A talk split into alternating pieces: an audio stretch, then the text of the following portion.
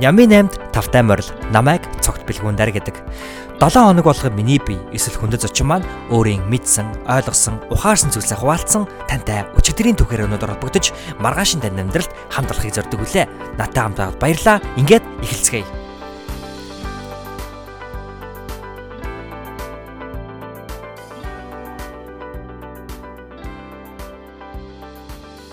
Сайн байцгаана сонсогчдоо энэхүнд Ямын подкастта эргэн тавтай морилно.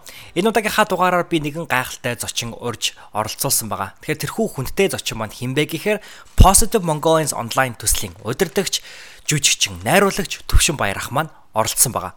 Өдгөөгөөс 8 дугаарын өмнө буюу 20 дугаар дугаарт маань Төвшин Баяр ахын маань гэргий төлгөөнөө өгч оролцсныг та бүхэн сайн мэдж байгаа шүү дээ. Тэгэхээр энхүү энэ гайхалтай гэр бүлтэй 8 дугаарын дараа золгож Төвшин Баяр ахтайгаа уулзсан энхүү учирлаа би ихэд бэлгшээж та бүхэнтэйгээ энхүү подкастыг хүргэж байгаад маш баяртай.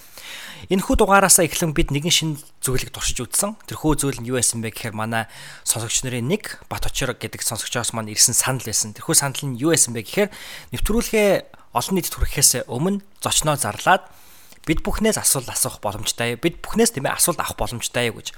Тэгээ мэдээч хэрэг энэ хүү саналыг хэрэгжүүлээд би өөрийн Facebook хуудасаараа дамжуулан та бүхнээс асуулт асуух тэрхүү боломжийг олгосон шүү дээ. Тэгээд маш олон гайхалтай гайхалтай асуултууд ирсэн байсан. Тэдгээр асуултуудын дундаас нэг асуулт сонгоод сонгоод асууна гэдэг бол туйлын төвхтэй хэцүү зүйл байсан. А тэгээд харж байгаад хамгийн энгийн халаалт гэж хэлж болох энгийн сайхан асуултуудыг тодруулаад нэвтрүүлгийнхаа ихэнд асуусан бол манай нэвтрүүлгийн онцлог таарсан хамгийн гоц асуултыг нь Нямын 8 подкастынхаа 8 дугаар асуулт болгон төвшөө хасаа асуусан байгаа. Тэрхүү асуултуудын дунд нэгэн асуулт их цойрж буюу хамгийн олон лайкийг авсан байсан нь дөлгөөнөө өгч маань битсэн хоолтыг нь асуугаарай гэсэн асуулт байсан. Тэгээд энэхүү асуулт маань манай подкастын ярианы сэдвийг маш гайхалтай амьдралын хэмээгтэй холбоотой нэгэн сэдв рүү чиглүүлсэн байгаа. Тэр нь юу вэ гэх юм бол саяхнаас дөлгөөнөө ихч хийгээд Төвшин баяр ах маань амьдралдаа буюу одоо өөрсдийнхөө эрүүл мэндэд хийгээд дэлхийн ертөнцийн хов нэмэр оруулах нэгэн тийм хоолны шин зуршлыг шин дадал зуршлыг хоолны одоо тийм ээ дгийг өөрсөндөө бий болгож эхлээд байгаа юм байна. Тэрхүү дэг нь юу вэ? Өөрсдийнх нь амьдралын хэм маягт хэрхэн нөлөөлж байна? Өөрсдийнх нь үр бүтээмжид хэрхэн нөлөөлж байна гэдгийг та бүхэн хөө подкастаас хүлээн авч сонсоорой. За үүнээс гадна Positive Mongolians төсөл маань хэрэгжээд 2 гаруй жилийн хугацаанд ямар ямар даваа саатуудыг даван туулав тийм ээ ажил амьдралынхаа хажуугаар одоо өөр контент үйлдэж дуртай зүйлээ хийж 5 өөр төрлийн контентыг 7 хоног болгон та бүхэнд хүргэхийн тулд ямар алхмуудыг авдаг вэ? За мөн ном унших тийм ээ ялангуяа уран зохиолын биш одоо хувь хүний хөгжилтэй номыг зөв унших арга дадал. За Төвшин Баярах маань өөрөө кино жүжигчин, найруулагчийн хувьд кино урлагийг зөв соёлтойгоор үзэж чадвал кино гэдэг хүний амьдралд ямар гайхалтай чухал нөлөөтэй болохыг мөн ярьсан байгаа. За үүнээс гадна миний хамгийн их бас онцлохыг хүсэж байгаа зүйл нь юу вэ гэх юм бол Төвшин Баяр ах маань үеийн залуустаа хийгээд хүүхэд залуус үе дүү хүүхэд залуус нартаа мөн олон гайхалтай зөвлөгөөнүүдийг нэвтрүүлгийн маань сүүлд бол хэлсэн байгаа зөвлөгөө захиасуудыг. Тэгээ тэдгээр захиасуудын донд юу байсан бэ гэхээр 13-аас 43 нас хүртэлх амьдралаа хэрхэн 10 10 жилээр нь зөв хуваарлаж төлөвлөх үү гэдэг маш гайхалтай практикал зөвлөгөөг та бүхэнд өгсөн байгаа. Тэгэхээр энэхүү олон гайхалтай зөвлөгөөнүүд маань бусад олон ярьсан сэдвүүдийн танд хамтаар танд маш их таалагдана гэж итгэж байна. Ингээд хэдүүлээ подкаст руугаа үсэрцгээе.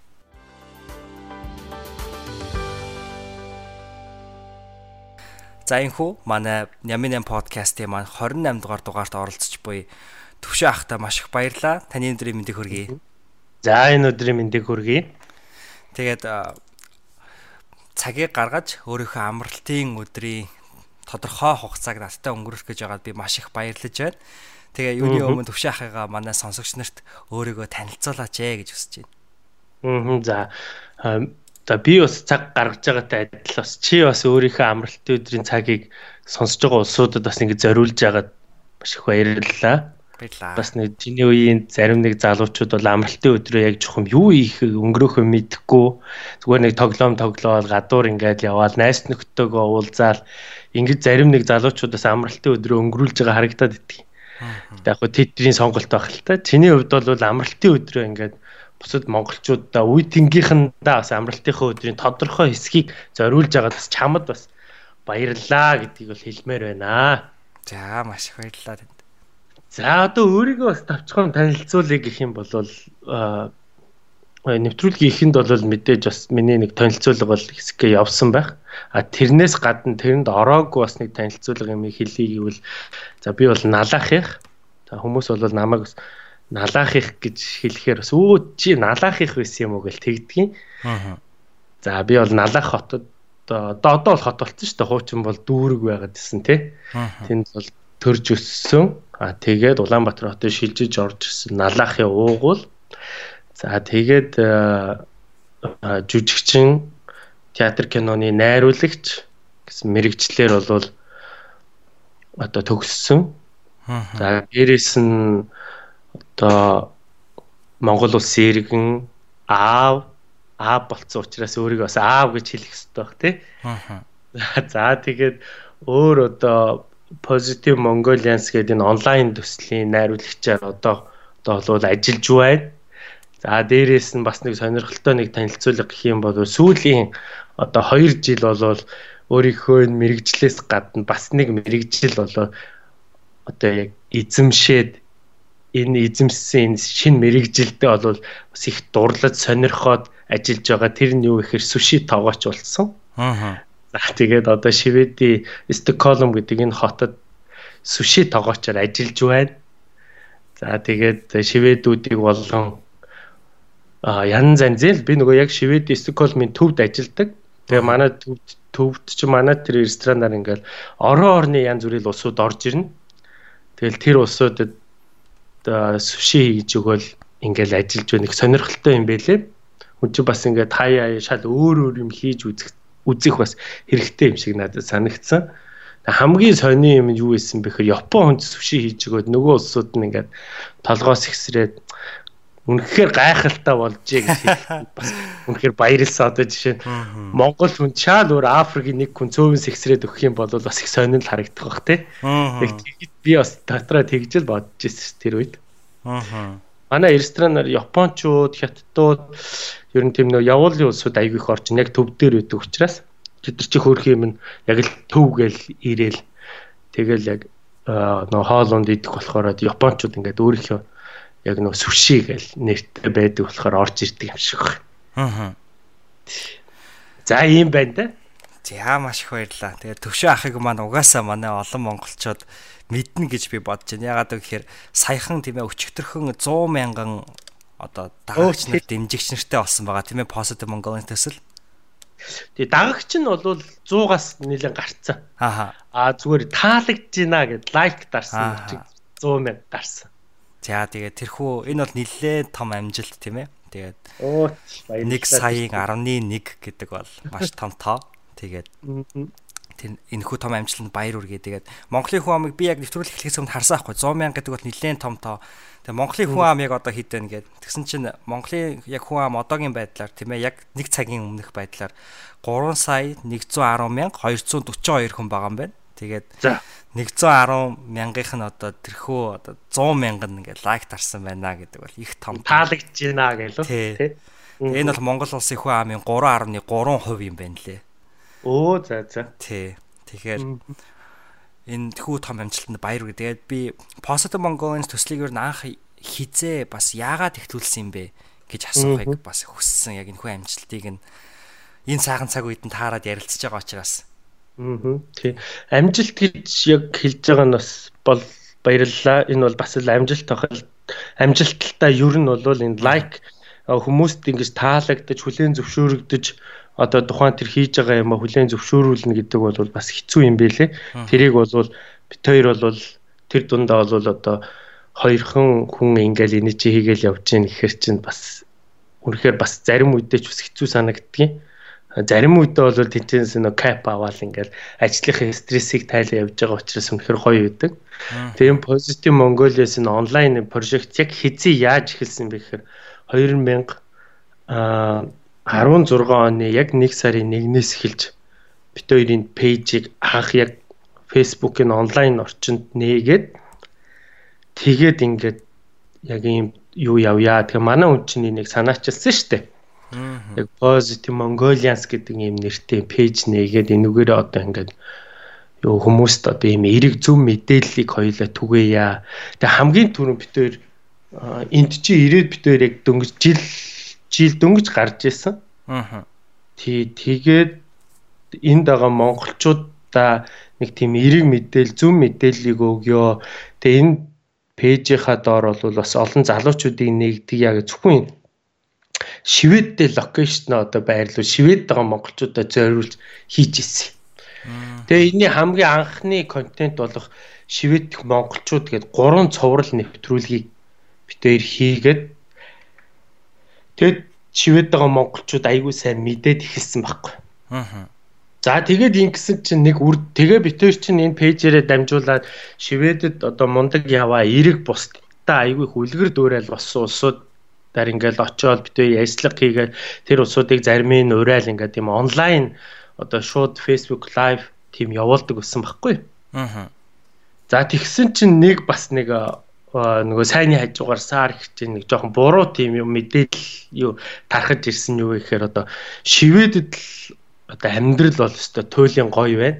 Шведэд очих юм бол ажил албатай болоод ийм мундаг явах юм байна гэсэн ойлголт Монголд байгаа монголчууд маш суугаад бид хоёр л маш их монголчууд ойр иргэн тойрны бусад орны тэр дундаа солонгост байгаа монголчууд эдгээр аягүй холбогдоод наадах руу ч очиж амьдрмаар байна тий Аа. А наадах руу ч н одоо яаж очих вэ гэдэргээл аягүй их мессеж захидлууд ирдэг болцсон байхгүй.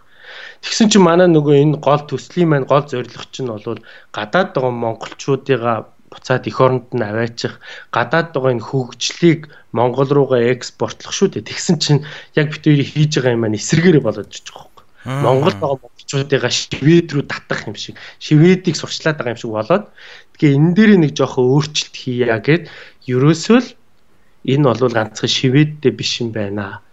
Яг гэж онлайн ертөнцгээд ийм сайхан одоо тий болцоо байхад бит хоёр бүх орныг хамааруулж болохгүй гэж бүх орны хөгжлийг яагаад Монголд байгаа монголчуудад танилцуулж болохгүй гэжгээд тэгээд ерөөсөө локейшн нь шивэдтэй биш дэлхийгээр тархсан монголчууд гээд нэрлээд ерөөсөө тэгээд тэрэн рүүгээ дамжуулаад юм нэвтрүүлгүүдийг хийгээд орон оронд төлөөлөгчдөө болоод ингээд нэлээд томроод хүрээгээ тэлээд эхэлсэн л дээ. Аа Тэгсэн чинь үр дүн нь яг бид хоёрын бодож ирснээр гарсан. Тэр нь юу вэ гэхээр бид хоёрыг одоо ингээд YouTube хуудасаарч тэр пэйж хуудасаарч тэр бид хоёр одоо нэг өөрсдийнхөө энэ нөгөө одоо хамгийн их хандлт нь хаанаас вэ гэдээ үзэж болдсон шүү дээ. Аа. Ингээ үзэхээр ерөөсөө нэг 50 60% нь бол яг Монголоос Улаанбаатарт байгаа монголчууд маань үзэж тэнчэнээс айгүй хүмүүс маань холбогддог болсон. Аа. Тий. Тэгээд бид нэг талын мэдээллийг барихгүй орон орны онцлог тэр орон орны хөгжил орон оронд болж байгаа бүтэж байгаа эрэг зүй мэдээллийг л Монгол руугаа экспортлож хүрэх гээд ерөөс дэлхийгээр тархсан монголчуудыг л ерөөс чиглэж үйл ажиллагаагаа явуулж тэр нь ч яг онсон бэлээ сүүлд яг тэгэл ботсон ч. Аа. Тийм. Бид хоёрын одоо энэ төслийн хамгийн том хамгийн одоо онцлог контент чинь нөгөө дэлхийгээр тархсан монголчууд мэдээлж байна гэдэг контент шүү дээ. Аа. Тий тэр бол одоо бид төр тэн дээр нэлээх хүч хайж тэн дээр байгаа нэгдсэн залуучуудтайгаа маш их бид төр холбоотой байж яа юу яриул дээр үү яавал дээр өнөөдөр бид нар юуг Монголдо экспортлж зөв мэдээллийг тэнд байгаа монголчуудад өгөхүүгээд тэдэртэйг их холбоотой хийж их ажилтдаг штэ. Аа. Тий. А зарим нэг улсууд нь битэрийг болохоор энэ нэг зөвхөн влог хийгээл зөвхөн одоо тий онлайн зөвлөмж гэдэг юм позитив Mongolians хийгээд байна гэж ойлгоод идэв. Битэрийн гол контент бол тэр дэлхийгээр тархсан монголчууд мэдээлж байна гэдэг. Тэр контент бол номер 1 контент нь байна. Аа. Тий. Зөв зөв. Өөрөөс гол одоо цаад хэлэх гээд байгаа санаа гол зорилго нь бол ерөөс тэр юм байгаа ш. Аа. За маш гайхалтай хариултаа тэгээд дөлгөөнөө өгч та хоёртоо дахин дахин баяр үргээд зөвхөн энэхүү контентоо яг нэг сувгаар биш тийм ээ. Маш олон сувгаар дамжуулж гаргаж байгаа нь ялангуяа миний хувьд маш гайхалтай санагддаг. Зөвхөн одоо Facebook-ээр биш те YouTube-ээр за тэгээд төвшөө ахмаа сайхнаас төвшөөс подкаст гэд хийж байгаа тийм ээ. Тэгэхээр подкаст байдлаар, бичлэг байдлаар, бичмэл байдлаар за тэгээд дэлхийн олон өнцөг болон буртайгаа залуучуудыг нийлүүлээд ийм онлайн конференс маягийн зүйл тийм ээ хийгээд байгаа шүү дээ. Яг тэрхүү одоо санаа бол Монголд би ерөөсө хараагүй.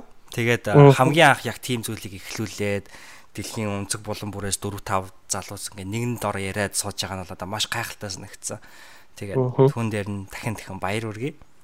За баярлалаа. Тэгээ энэ бол зөвхөн бит хоёр төш бас манай нөгөө эдэд бас хүрэж байгаа баяр баха гэж ойлгож ш, тий? Аа тэгэлгүй яах вэ? Тэгэхээр Швед орны тухай танаас нэг асуулт асуухыг хүслээ. Энэхүү Няминэн подкаст маань энэхүү дугаараас ахуулаад сонсогчдоос тийм ээ асуулт авч эхэлж байгаа тийм ээ. Тэгээд эдгээр асуултын дунд асуултуудын дунд мэдээж хэрэг асуулт сонгох бол асар хэцүү байсан. Тэгээд төвшөө ахт хоёрч нэвтрүүлгийн хамт ярьж исэн аль болох хариулах боломжтой асуултуудад нь хурдан хурдан хариулаа явъя гэд. Тэгээд тэдгээрийн дунд маа найз охин дараа маань Стокхолм хотод очих хамгийн дуртай гоё газар нь юу вэ гэж. Тэгээ очоо ямар мэдрэмж авдаг вэ гэж асуусан байна. Энэхүү асуултыг асуухыг хүсэж миний хувьд дүү аль эсвэл ер нь бол ингээд дийлэнх одоо тий ааха гой мэдрэмж авдаг гэх юм бол ер нь бол Стокгольм мот өөрөө их сайхан хот л тоо. Ногоон байгууламж ихтэй. За тэгээд э, цэвэр агаартай. Ер нь бол хаач очис их гоё одоо романтик хүмүүснийх найрсаг тийм хүлээж авдаг. Тий. Аа тэгээд э, одоо хамгийн гоё мэдрэмж их сонин мэдрэмж өгдөг газар нэг юм бол бид хоёр нөгөө анх ирчээд нэг тийм нэг цагаачийн байранд бид хоёр бүр нэг хол жоохон Стокгольмоос нэг жоохон зайтай нэг тийм хол биш тийм зайтай газар амьдарч ирсэн. Тэгээ тэнд нэг тийм нэг айгүй итгээд моднууд дунд нэг тийм гурван мод ингээд тойроод ургацсан байдаг байхгүй. За айгүй сони ингээ яг ингээд Монгол гэр шиг ингээд тойр дундаа тийм зайтай. Тэг гурван амар том мод. Одоо давхраар байшингийн давхраар ярих юм бол тэр нэг бараг 4 5 давхар хэмжээний тийм том ургацсан тийм бүр онцгой сондгоо ургацсан тийм гурван мод исэн байхгүй. Би би нэгэ тэврээ ургацсан тэг тэр модны хажууд анх тэр модыг харчаа тэр модны хажууд очиод ихэд нэг тийм нэг тийм их сонирн мэдрэмж төрж исэн байхгүй. Тий, тэгээд Тэгээ бит хоёр ямар сони юм бэ? Яг ингээд моднууд нь тэр гурав айгүй итгээд ургацсан байсан байхгүй. Аа. Бас бас их сони юм байна да. Тэгээ тэр тэр гурвын ингээд тэр ингээд Монгол гэр шиг тэр чинь ингээд тойроод ургацсан учраас би би нэгээ тэрврээд тэг ингээд дунд нь оронгууд яг ингээд бүрки зай гарцсан байгаа байхгүй. Тэгээ дунд нь ороод ингээд дээшээ харангуут л ингээд айгүй тийм сонин тийм мэдрэмж өгчээсэн. Тэгээд тэнд ингээд битээр бас нэг одоохондоо бол бас нэг ажилтгтай учраас бас очиход жоо холдоод идэг. Тэгээ тэнд нөгөө ойролцоохоо амьдарч исэн учраас цавал хийвэл нэг тийш очичоол тэгээ 100 ч байсныг хэлэхүү. Тэгэл тэнд нэг жоохон байгаа. Тэгээ эргэн тойр нэг айгүй гоо цагаан цэцэг ургацсан. Нэг тийм газар байсан. Аа. Тийм тэгээд ер нь бол энд байгаа монголчууд хэрвээ болцоотой бол тэр модон дээр нэг очивол гэж бодсон юм. Гэтэ энэ бол мухар сүсэг гэдэгтэй ерөөсөө холбоогүй шүү. Аха. Тийм. Тэгээ би бол өөрөө тийм мухар сүсгтэй биш. Гэхдээ л тэр модны хажууд очиход л нэг тийм сонин мэдрэмж өгөө нэг таатаа чимшээг нэг тайван чимшээг тэгээд тэнд чи ямар чив чимээгүй нэг тийм нэг өөрөө өөртөөгөө ярих өөр өөртөө юм бодох нэг тийм орчин бүрдсэн юм шиг санагдчихсан байхгүй. Аа. Тэгээ бид хоёр тэнд нилээх очсон очсон. Тэгээ зөндөө их юм ярьж суудаг байлаа. Тэгээ ер нь бол цаашдаа хоёлаа амьдралаа ингэн тэгнэ гэж ярьж суухад тэр их нөлөөлсөн болов гэж боддоо шүү дээ. Аа. А тэгээд бас нэг хамгийн гоё бас нэг Стокгольм хоттой одоо яг энэ төв дээр очих юм гэх юм дуртай хүн болгон бас очих дуртай тэр нэг цагаач хүү гэдэг нэг жижигхэн хөшөө өгдөө тэрэн дээр хүмүүс их очих дуртай тэн дээр очихоор бас их гоё гоё байдаг юм уу Монголчууд гэсэн зөндөө мэднэ.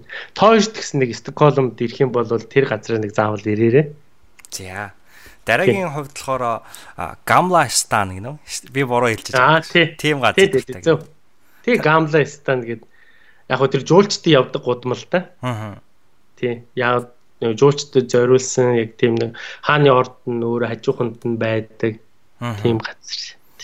Тий. Яг 18 дугаар зуунд байгаа юм шиг мэдрэмж авдаг гинэ. Аа найзын явд. Аа. Тэгэхээр гурван модны үед сонирхолтой юм те таны Монгол гэр шиг гэж дуртахаар айгүй хараад өөр юмсыг хандмаарч юм шиг гэрте байгаа юм шиг тийм мэдрэмж төрсэн байж болох юм те.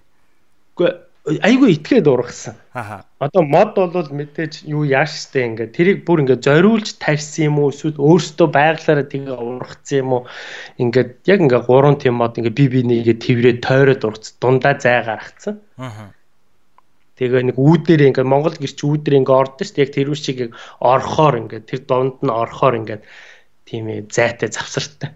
Аа. Сонин л одоо байгалийн тогтцол зүйлээ тэр бол. Зөө зөө. Манай А Зулашка гээд Facebook сонсогч маань таныг 10 жилийн хаан төгссөн бэ гэж суусан байна. Тэгээ би дээр нэмээд таны ер нь 10 жилийн хамгийн тод сандаг тийм тод үлдсэн дурсамж ер нь юу байдаг яг 10 жил гэхээр ингээд шууд толгойд орж ирдэг. Аа.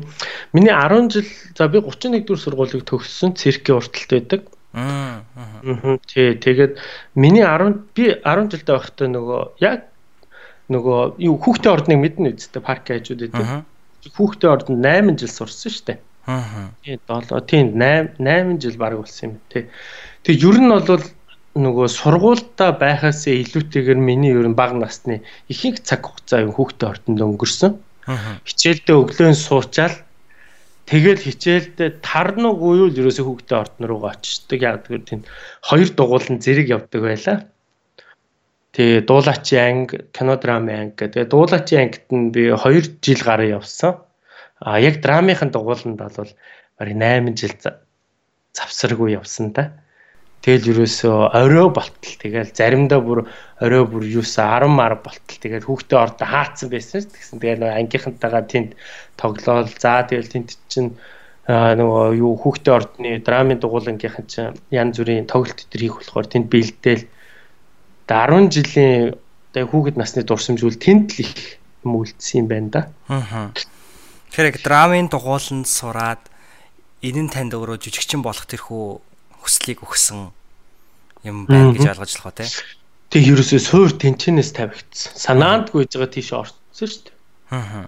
Тэгээд том мундаг гайхалтай багшийн шав болоо тэр багш жүжигчин гэдэг мэрэгжил ямар амттай ямар сонирхолтой болохыг надад бүр мах цусанд мэдрүүлээд за тэгээ дээрэс нь тэр хүүхдээ ордон цугтаа маш их одоо тэгээ хүүхдээ ордныч тэр ер нь тэгээд юуны тэр одоо багчуудын дунд зохион байгуулагддаг тэмцээнүүдэд их ордог байсан. Би ч хүүхд 10 жил 11 медальтай төгссөн шүү дээ. Аа. Тэгээ тэд нар надад их урам өгсөн л дөө одоо тэр чинь. Тэгээ дээрэс нь тэр багаас л эхлээл Монголын үндэсний телевизээ хүүхэд сургалт танин мэдэх ерөнхий редакц гэж байдаг гэсэн. За. 5 дугаар ангиас эхлээл тент чин хөтлөгчөөр ажиллаал тэгэл тэгээд жоохон ахлах ангид ороод ирэнгүүт үдшийн хэмнэлээр редакцт нь хөтлөгчөөр ажиллаал тэгэл ингээл явцсан учраас яа харахгүй тэгэл одоо эн чинь холбогдохоос өөр аргагүй болчихж байгаа юм л та. Аа. Ямар мундаг юм бэ та. Таны манай яг энэ хүү сонсогчдоос асуулт асууя гэдэг санаа гаргасан Бат Хочр гээд сонсогч маань дараах асуултыг асуусан байна л да. Тэгээ энэ нь болохоор найруулагчаар сурдаг гэж сонссон ямар төрөл жанрын кино найруулахыг хүсдэг бол гэсэн байна. Тэгээ магадгүй таас өөрөө жүжигчин хүн учраас бас ямар төрөл жанрын кинонд тэг тоглохыг хүсдэг вэ? Аа. За би яг нөгөө бакалавра бол кино урлагийн дээд сургууль жүжигчнэр хамгаалсан. Найруулагчиг бол Солонгос магистраар найруулагч хамгаалсан. Аа тэгээд Солонгост найруулагчаар хамгаалахад бол хамгийн чухал нөгөө юм болвол за тэр сериал эдрээс илүүтэйгээр би нэг тэр нэг ангид тийм сэтгэл зүйн одоо арт хаус тийм талын кинонуудыг айгүй их одоо сонгож хичээлээ үзэж судалсан л та. Тэр талын кинонуудыг их найруулахыг одоо ер нь бол бэлдээл байгаа юм л та. Аа удахгүй ер нь бол удахгүй ер нь тэр төрлийн кинонуудаа бол найруулад эхэлнэ. Аа тэгээд жүжигчин одоо бол нэг одоо тим кино тоглохынсэн ийм кино тоглохынсэн гэхээс илүүтэйгээр нөгөө найруулгынхаа ажилдаа илүү их сонирхолтой болоод байгаа шүү дээ. Зөв зөв. Ийм кино яг тэгэхээр одоо энэ мэрэгчлэр илүү их одоо цааш нь гүнзгий судлаа тэр дундаа бүр огтосоо мэдхгүй бүр өөр оронд очиж судалсан учраас одоо тэрнийхээ л ид шидийг л гаргахыг л хүсээд байгаа юм л та. Аа. Тэгээд би ер нь бол манай багш тэр Солонгост байхад найруулагчийн манай багшт гэсэн ярьдаг байсан.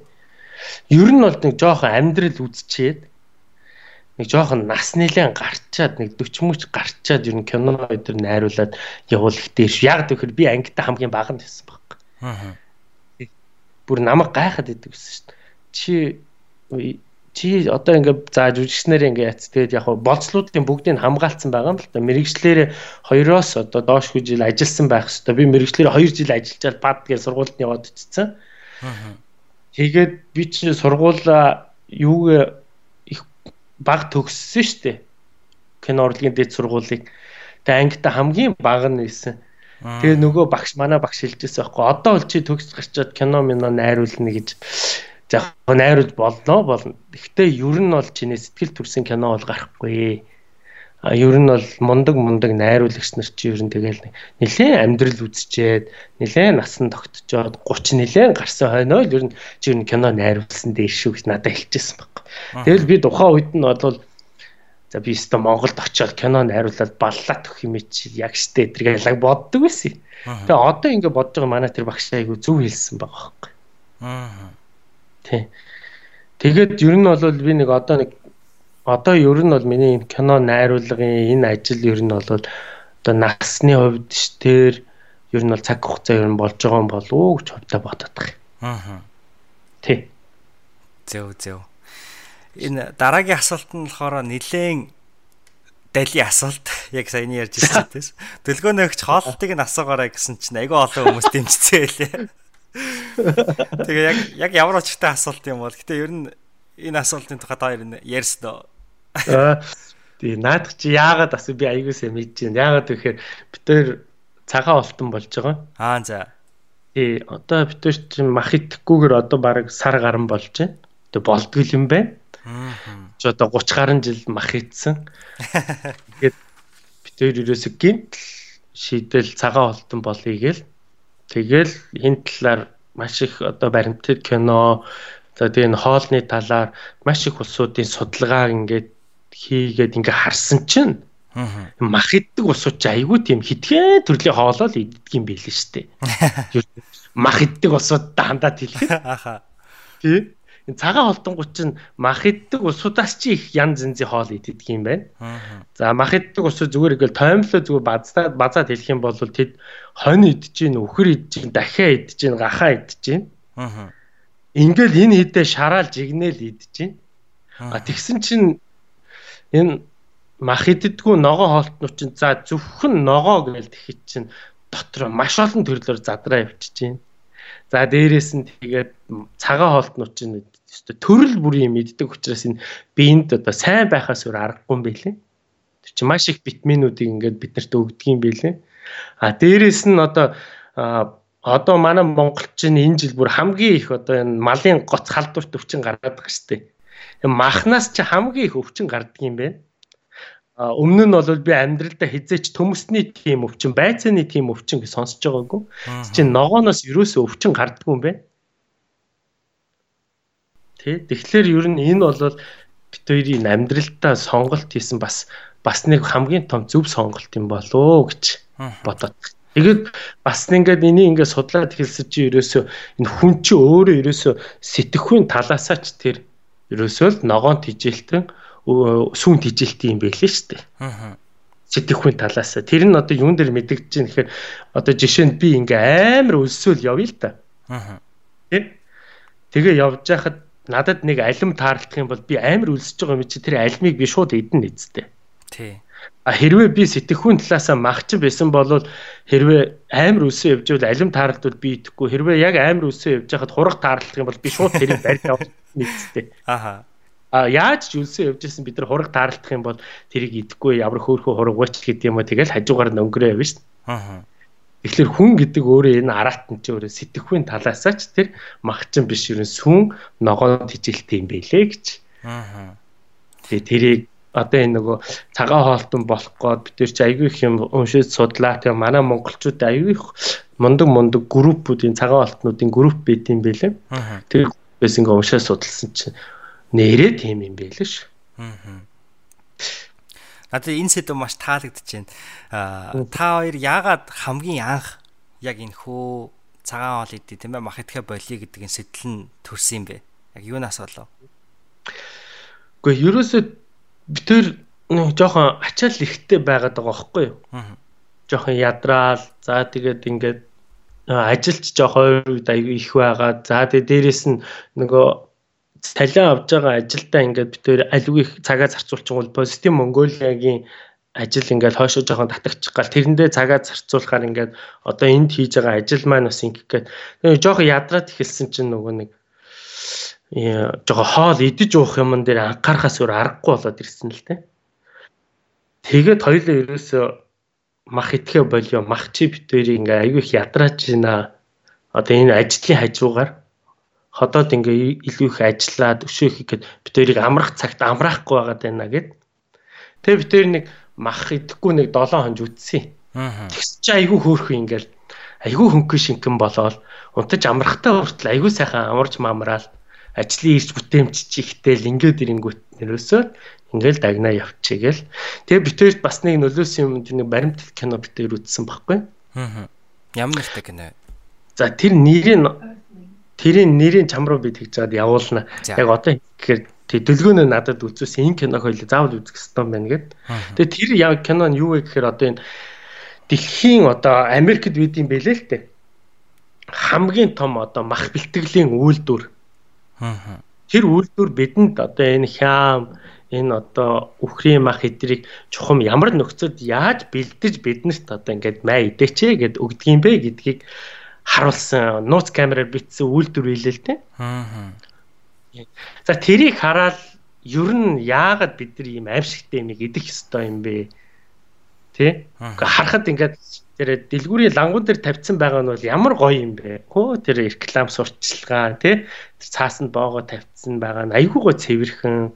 Гэхдээ хүн шууд хараад идэхээс идэхээс өөрөө хүсэл төрөхөөр а тэгтэл тэрийг цаана нь ямар амар орчинд ямар аимшигтайгаар бэлдэж байгаа юм бэ гэдгийг нууц камераар үзүүлсэн тийм бичлэгийг харсан. Аа. За дээрэс нь гахаа гахаа махыг яаж бэлтгэдгийг харсан. Аа. Тэгээ зүгээр тэн дээр кинон дээр гарсан юмыг зүгээр нэг нүгэл ингээд цэцгээ хоромт хэлэхэд гахааны мах бол үстэй идэлтгүй юм бэлээ. Тэр том одоо хэдэн зуун мянган гахааг одоо үржүүлгийн газар чинь тэр гахаага одоо 100% гахаа ч өөр ямар амир иддэг амтан бэлээ те. Юу яаж чаддгүй юм байна л да. Цатгтал нь идүүл чаддгүй юм байна л да. Хоолт хижээл нь хүрдэггүй. Тэнгүүч нөгөө гахаанууд чи өөрсдийгөө барьж иддэг юм байна. Хөөх юм нь өлсгий ирэх нь. Тэгээ барьж идэхтэй бол өөрсдийнхөө сүүлнээсээ эхэлж тастаа тастаад иддэг юм байна л та. Аа. Тэгээ чи дандаа тийм тэгээ сүүлгүй гахаанаар байгаа байхгүй. Тэгээ сүүлэн дээрээ шархалцсан. Тэгээ нөгөө гахаа чи өөр ямар орчинд тижээгдэг үлээ заавал тийм наамганд тийм балиар орчинд тижээгдэг үл нөгөө шархтаа гахаа чин тэр нөгөө шархан тэндээ одоо идээлж буглаа. Гахаа нөгөө би энэ мутацд ороод бөхснөөсөө эхлээл ингээл янз бүрийн хэлбэрт орцсон байгаа байхгүй. Тэгэнгүүт чи нөгөө гахагийн чинь шууд нядалгаанд явуулаад арсын өвчөөл бад гээл маа та идэ гэж ингээл явуулж. Тэр эцэц бид нар тийм л мах гахааны мах идчихсэн байгаа. Тэгэл нөгөө малын өвчин чинь гарч байгаа нь тэр юм байлээ. Аа.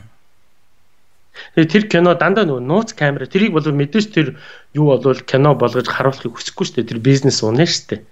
Тэгээ тэрийг дотор нь нөгөө одоо ажиллаж исэн тэр улсууд нь нууцаар бичээд тэгээ тийм баримтат кино хийсэн байлээ Америкийн. Зөв зөв. Хоёлоо бас маш сонирхолтой үед огтлцоод ярьж байгаа санагдаж байна. Яагаад гэхээр манай найз хүн бит хоёр өчтөр яг яг яг энэ сэдвийн талаар шиг бүр Окча гэдэг та кино сонссон уу? Үзсэн үү? Үгүй. Энэ болохоор Netflix-ийн Солонгос, Америк хоёр хамтарч хийсэн кино байгаа байхгүй юу? Тэгээд Супер гахаа гэдэг нэг төрлийн Аа тий тий үзсэн үзсэн. Хийс үзсэн. Том болгоцсон гахаа тий. Тий тий тий. Тэр киног бит хоёр үзээ тэгээд за ерөөсө мах итгэ болиг яг өчтөр ярьж ирсэн байхгүй юу? Манай цаадаа хэлээд. Тий. Тий. Тэгээд зүгээр гахаан дээр жишээ авахд л юм байгаа шүү. Чи тэгээд тэр Украин за тэгээд тэр дахиад эдрийг үзэх юм бол за ёо би ямар амар юм идээд байгаа юм бэ л гээл бодно. Аа Джон Леннонгийн Beatles хамтлагийн Джон Леннон хэлсүү гэдэг хэрвээ махны үйлдвэрүүд бүгд шилэн хантай байсан бол өнөөдөр хинч мах идэхгүй байх байсан гэж хэлсэн байт юм байна. Тий. Тэгээ яг та хамгийн эхний 7 хоног ингээд мах идэхгүй байсан чи айгүй хөнгөн шингээ орхисон гэд тэгсэн шүү дээ. Гэхдээ яг хамгийн хэцүү зүйл нь юу байсан бэ? Ер нь яг ихний 7 хоногт. Гэхдээ надад нэг ийм хүмүүс ингээд ингээд одоо жишээ нь ингээд манай ажил дээр бол ингээд дандаа л махчтаа би ажиллаж байгаа шүү дээ тэр дотор чи ингээл тэгэл тэд чи ингээл монгол хүн байж махаа идэхгүй чи одоо мах идэхгүй байхаар яаж ийн ийж ийн гэл ингээл одоо амьхандаа л надад нөлөөлөд байгаа байхгүй. Тэр нь би хэлсэн байхгүй. Та нар одоо монгол хүн гэхээр л мах иддэг гэсэн ойлголтоо одоо болооч дээ. За одоо тэгвэл одоо Франц хүн За тэгвэл Итали хүн яах юм? Пицца идэхгүй бол одоо өгөх үү те? Америк хүн бургер идэхгүй бол өгөх үү? Германчууд ч одоо тэр нөгөө юу идэв ч хот дог гаргаж идэв ч те. Хот дог герман хүн би чи хот дог идэхгүй байхдаа яадгийг ярих уу те? Айгу инээдтэй сонсогдож байгаа юм. Яг энтэй адилхан монгол хүн махаа идэхгүй бол гэд эн чи яг бусад орны улсууд ч юм уу айгу инээдтэй сонсогдсон шүү. Тэгээд намайг манай нөгөөд маш тэгсэ хүлээн зөвшөөрөө одоо бид нар ингээ яхад би бол тустай тийм хоол иддэг ус. Тэгээд ерөөс хэцүү байх юм боловч юу ч тийм байхгүй л хэлсэн шүү дээ. Яг тэгэхээр би илүү их нөгөө юу идж байгаа дээр аягүй их одоо тий боддог болцсон. За би өнөөдөр протеин хүн хүн одоо өдөртөө тэдэн хувийн протеин, тэдэн хувийн уураг тий тэдэн хувийн одоо наатри идэх ёстой, нүүрс ус идэх ёстой гэх тэр процентууд нь байдаг юм байна. Энийг идвэл та одоо нормал идэж байна Тэнгүү чинь одоо би нөгөө мах идэхгүй болчихгоо чинь мах чинь болоо зөвхөн надад одоо юу л өгж байгаа шүү дээ протеин уураг л өгж байгаа шүү дээ. Тэгвэл тэр уургийг чинь би өөр зөндөө олон ногооноос авч болох байгаа байхгүй. Тэгэл эдрийгээ ингээд идчихэн хүч миний амьдрал яг л хэрвээрээ үргэлжилтгэрээ үргэлжилж байна. Харин өөрчлөгдсөн юм нь ходоод мэл надад амар их баярлж байгаа. Тий. Өдөр болгон би айгүй хөнгөн шинхэн хотоод маань нөгөө хүн дээр бийцэж байгаа. Өмнө би мах иддэг байх чинь ингээд 2 хоногтой хүн дээр бийцдэг ингээд 3 хоноо л тэгэл их сайхан бийцэх хэсэг гэж боддог гэсэн бол одоо ингээд айгүй сайхан цэвэрлэгдэл ингээд гарч байгаа учраас шал өөр зөв зөв. Тэгэхээр яг таны хэлж байгаагаар бид нар ингээд яг махан маха ингээд нарийн хоол болгоод байхаар яг таны хэлж байгаагаар зөвхөн уураг өөх тос тийм ээ айгүй хэмжээгээр аваад байдаг. Гэтэл эсэргээ хүнсний ногоо хоолндоо хэрэглээд эхлэхээр нүүрс ус, өөх тос, тэгээд уураг гурван үндсэн зүйлээ аваад тэгээд дээрэс нь нэмээд маш олон төрлийн аминд юмудаас авч байгаа тийм ээ. Тэгэхээр тэр нь хамгийн том давуу тал гэж ер нь бодож байна. Тэгэхээр монголчуудаа бас хоолны талаар ярихад бол ерөөсөө энэ л. Дөлгөнөөгийн тэр асуусан асуултанд хариулахад бол. За за. Тэгээ хүмүүс бол айгүй их тэн дээр лайк дараад юу яатсан вэлээ тэгээд гайхаад эсвэл намайг өстө баялаар хийддэг гэж бодоод тэрийг яриулах гэж байгаа болов тэгж л бодож юу яасан болов л гэж бодсон. Аа. Тий. Хөвгчлөлтэй асуулт байна гэж би өөртөө бодож исэн тэгээд тэгсэн чи айгүй хэрэгтэй. Яг амьдралын хэм маягийн асуулт байна. Тэгээд хариулт нь байна. Тэгээд маш их баярлалаа. Аа. За тэгвэл хоёул одоо ингээд яг Нямын 8-ийнхаа 8 асуулт руу орох уу? За тэгье. За. За тэгэхээр Ямин 8 подкаст маань уламжлалс нэг асуултаар эхэлдэг. Тэр нь таны энэ 7 хоног тохиолдсон хамгийн талархам үйл явдал юу байсан бэ гэдэг асуулт байгаа. Хамгийн их талархам үйл явдал гэх юм бол энэ 7 хоног чи манай хүний нөгөө төрсөн өдөр болсон. Аа. Тэгээд хайртай хүнийхээ төрсөн өдрийг бүр сэтгэлд нь толдлон тэмдэглэж чадсандаа л маш их баярлж байна. Манай баярлалаа гэдэг бүр чин сэтгэлээс надад хэлсэн. Тэрэнд л их баярлж байна. Яаж тэмдэглэсэн бэ? Чадсан да. Чадсан да тэгж одоо сэтгэлд нь хүртэл нь тэмдэглэж чаддаа л баярлж Аа. байна. Сонирхол бол ер нь яг яаж тэмдэглэж өгсөн бэ?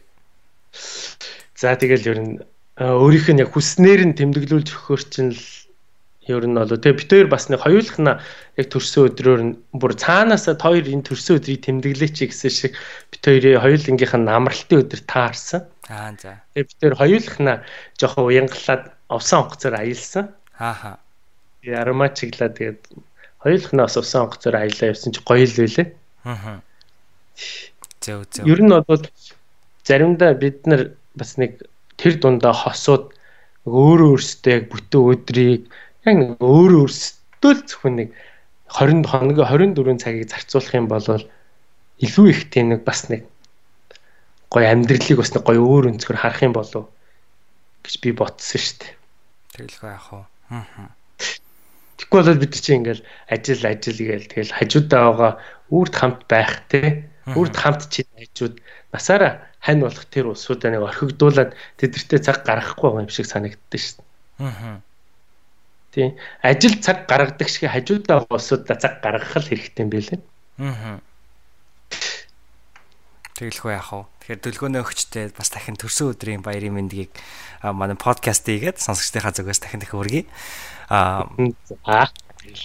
Тэгээд хоёлаа дараагийн асуулт маань болохоор таны энэ 7 хоногт онцлог ном бүтээл. Эсвэл контент тийм ээ? Подкаст TED Talk бичлэг гэх мэтчлэн ер нь онцлог зүйл юу байсан бэ? Мөн яагаад энэ хүү контентыг номыг онцолж байгаа вэ? Аа. За одоо би буян дэлгэр ахын тэр нэг номтой л одоо одоо сүүлийн нэг сар л ноцолдож байна одоо уншид дуусах гал одоо тэгээд хаяа ингээл зав гарахаараа ингээл хараад тэр 2 3 хуудас уншичаал нөгөө а амьдрал оргил биш бэлдгээд тэр нэг ном байгаа. Тэгээд тэрийг уншиж дуусгах гал тэгээд тэр номыг бас залуучуудад сонсож байгаа хүмүүстээ бол уншаад уншчаараа нэг ядаж ядаж нэг гац хоёр нүрийн нэг шагаагаад харчаараа гэдгийг хэлчмээр байна. За тэгээ контент юм уу эсвэл одоо нэг юу кино бас хэлмээр байна. Энэ 7 хоногт одоо үзэж нэг үзсэн контент хэм бол нөгөө хиний Натали Портман гэдэг нөгөө жүжигчин байдаг шүү дээ. Аа. Тэрний тэр нэг сүүл тоглосон нэг кино нэрийг одоо орж ирдэг. Тэр киног би тэр үзсэн. Аа. Тэр тэгээ дэлхий дээр ингээд нэг юм нэг гэрэл ирчээл ингээл тэгэл жижигхэн жижигхнэр ингээл тэр ингээл яваал хүмүүсийн ингээд идээд байгаа чи үзсэн үү тэр киног? Annihilation гэх кино мөн үү? Би үзег сонсон баха. За тэр киног тэр ёстой миний өөрийн ч одоо яг нөгөө сонирхдаг чиглэлийн кино байсан болоод ч тэр тэр их сэтгэл төрсэн. Тэрний тэр киноны хэлэх гээд байгаа тэр цаад санаа. За тэгээд тэр жүжигчдийнх нь тоглол, тэр найруулагчийнх нь хүмүүст ойлгуулах гээд байгаа юм хүм дүрслэл эдэр нь бол тэр бол зүг гайхалтай бүтээл болжээ. Аа. Тий. Тэрийг үтсэн л дээ. Тэгээ тэрийг бас хүмүүст одоо сонсож байгаа улсуудаас санал болгомоор. За. Тийм тэгэхээр миний саяны дурдсан кино мөн баха. Би тэгвэл блог дээрээ бас ороод тэгээ. Тий. Таны буян дэлгэр ахын бичсэн амьдрал оргил биш бэлд гэсэн ном гэсэн үү те? Аа. Ер нь яг онцлог тийм ээ. Яг хамгийн авсан нэг санаа гэвэл ер нь юу вэ? Тэрэн дээр нэг маш чухал юм байгаа юм л та. Тэр нь юу гэхээр ингээд бид нар ингээд альва нэг зүйлийг ингээд нөгөө оргилд нь хүрэх гээл те. Хичээгээл ингээд ингээл гүрийгээл ингээл мацаал идэг. Тэгтэл яг ингээ оргил дээр ингээ хүрчээр зүгээр л нэг юм ингээл зүйл байдаг. Тэгтэл тэр амьдралын тэр утга учир бүх юм тэр тэр оргил тэр дээр биш. Тэр доор эхлэлт их эхлэх явцад тэр дунд нь байдгийн байна гэдэг л гол санаа тэр номонд яваад байгаа байхгүй. Миний нөгөө төрөний яриадсэн шүү дээ. Тэр номыг нөгөө сүлд уншиж байгаа учраас ерөөсөө гэл бүх ярьж байгаа юм тэрнтэй аягүй ингээд уялдаа дуусаж орж ирээд байгаа байхгүй. Бид нар ингээл яг юуны тулд одоо тийм ингээл амар ингээл ажиллаа. Юуны тулд ингээл бүх юмыг ингээл орхигдуулаад ингээд тэл нэг оргилдол төр нэг цэгт хүрх гээл ингээл гүрийгээ тэгтэл яг цэгдээ ингээ хүрчгээр айгүй химиг золиосл. За айгүй цаг хугацааг хайцсан, алдагдуулсан, анзаараагүй тэр гоё юмыг анзаараагүй явцсан байдаг юм байна.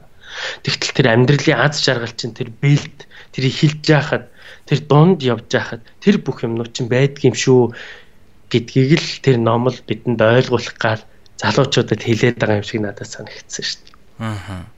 Тэ. Тэгэхээр эцсийн үр дүндээ биш тэрхүү үр дүнд хүрж явах тэрхүү аяллаа хайрл гэсэн утгатай юм байна тий.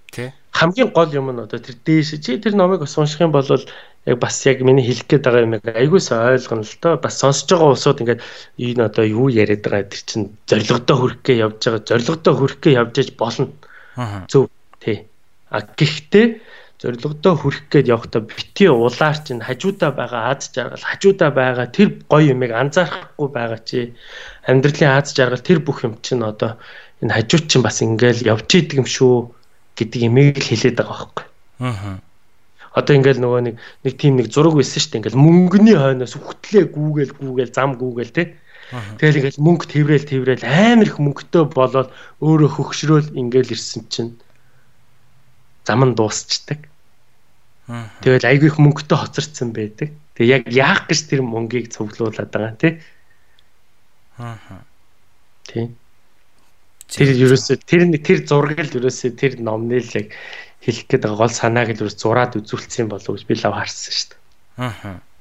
За тэгэхээр энэ номыг ч гэсэн адилхан блог дээр онцлог тавих болно. Тэгээ манай сонсогч нар блог руу манай ороод магадгүй худалдаа авах ч юм уу тийм ээ тэрхүү холбоосыг нь тавьчих учраас сонир хорой гэж бас уриалъя тийм ээ.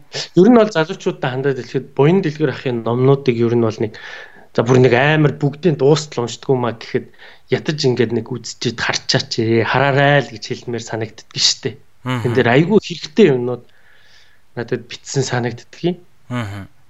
Тэгээ за тэр дундаа энэ миний одоо яг уншаад байгаа ном нь бол буян дэлгэр ахын бас нэлээд одоо хид хідэн номны гаргасны дараах ном учраас нэлээд тэр хүн бас бодож нэлээд туршлах сууж тэр номыг бичсэн учраас үг бүр нь айгүй тийм алт шиг надад санагдсан.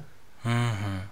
Тэгээ тэгээд ер нь би яг тэр номыг ингээд одоо ер нь дуусахгүй ингээд дахин дахин уншаад идэггүй гэхээр би ингээд хурдан газ газ уншаад дуусгахыг хүсэхгүй байгаа гот чинь тийм нөгөө юуны уран зохиолын тийм амар үйл явдалтай номнууд биш. Тэр номыг би өнөөдөр уншсан юм а би дахиад маргааш уншихад дахиад сарын дараа уншихад би тэр уншсан юм дотроос дахиад шинэ юм олж хардаг байхгүй. Аа ийм юм биш үү.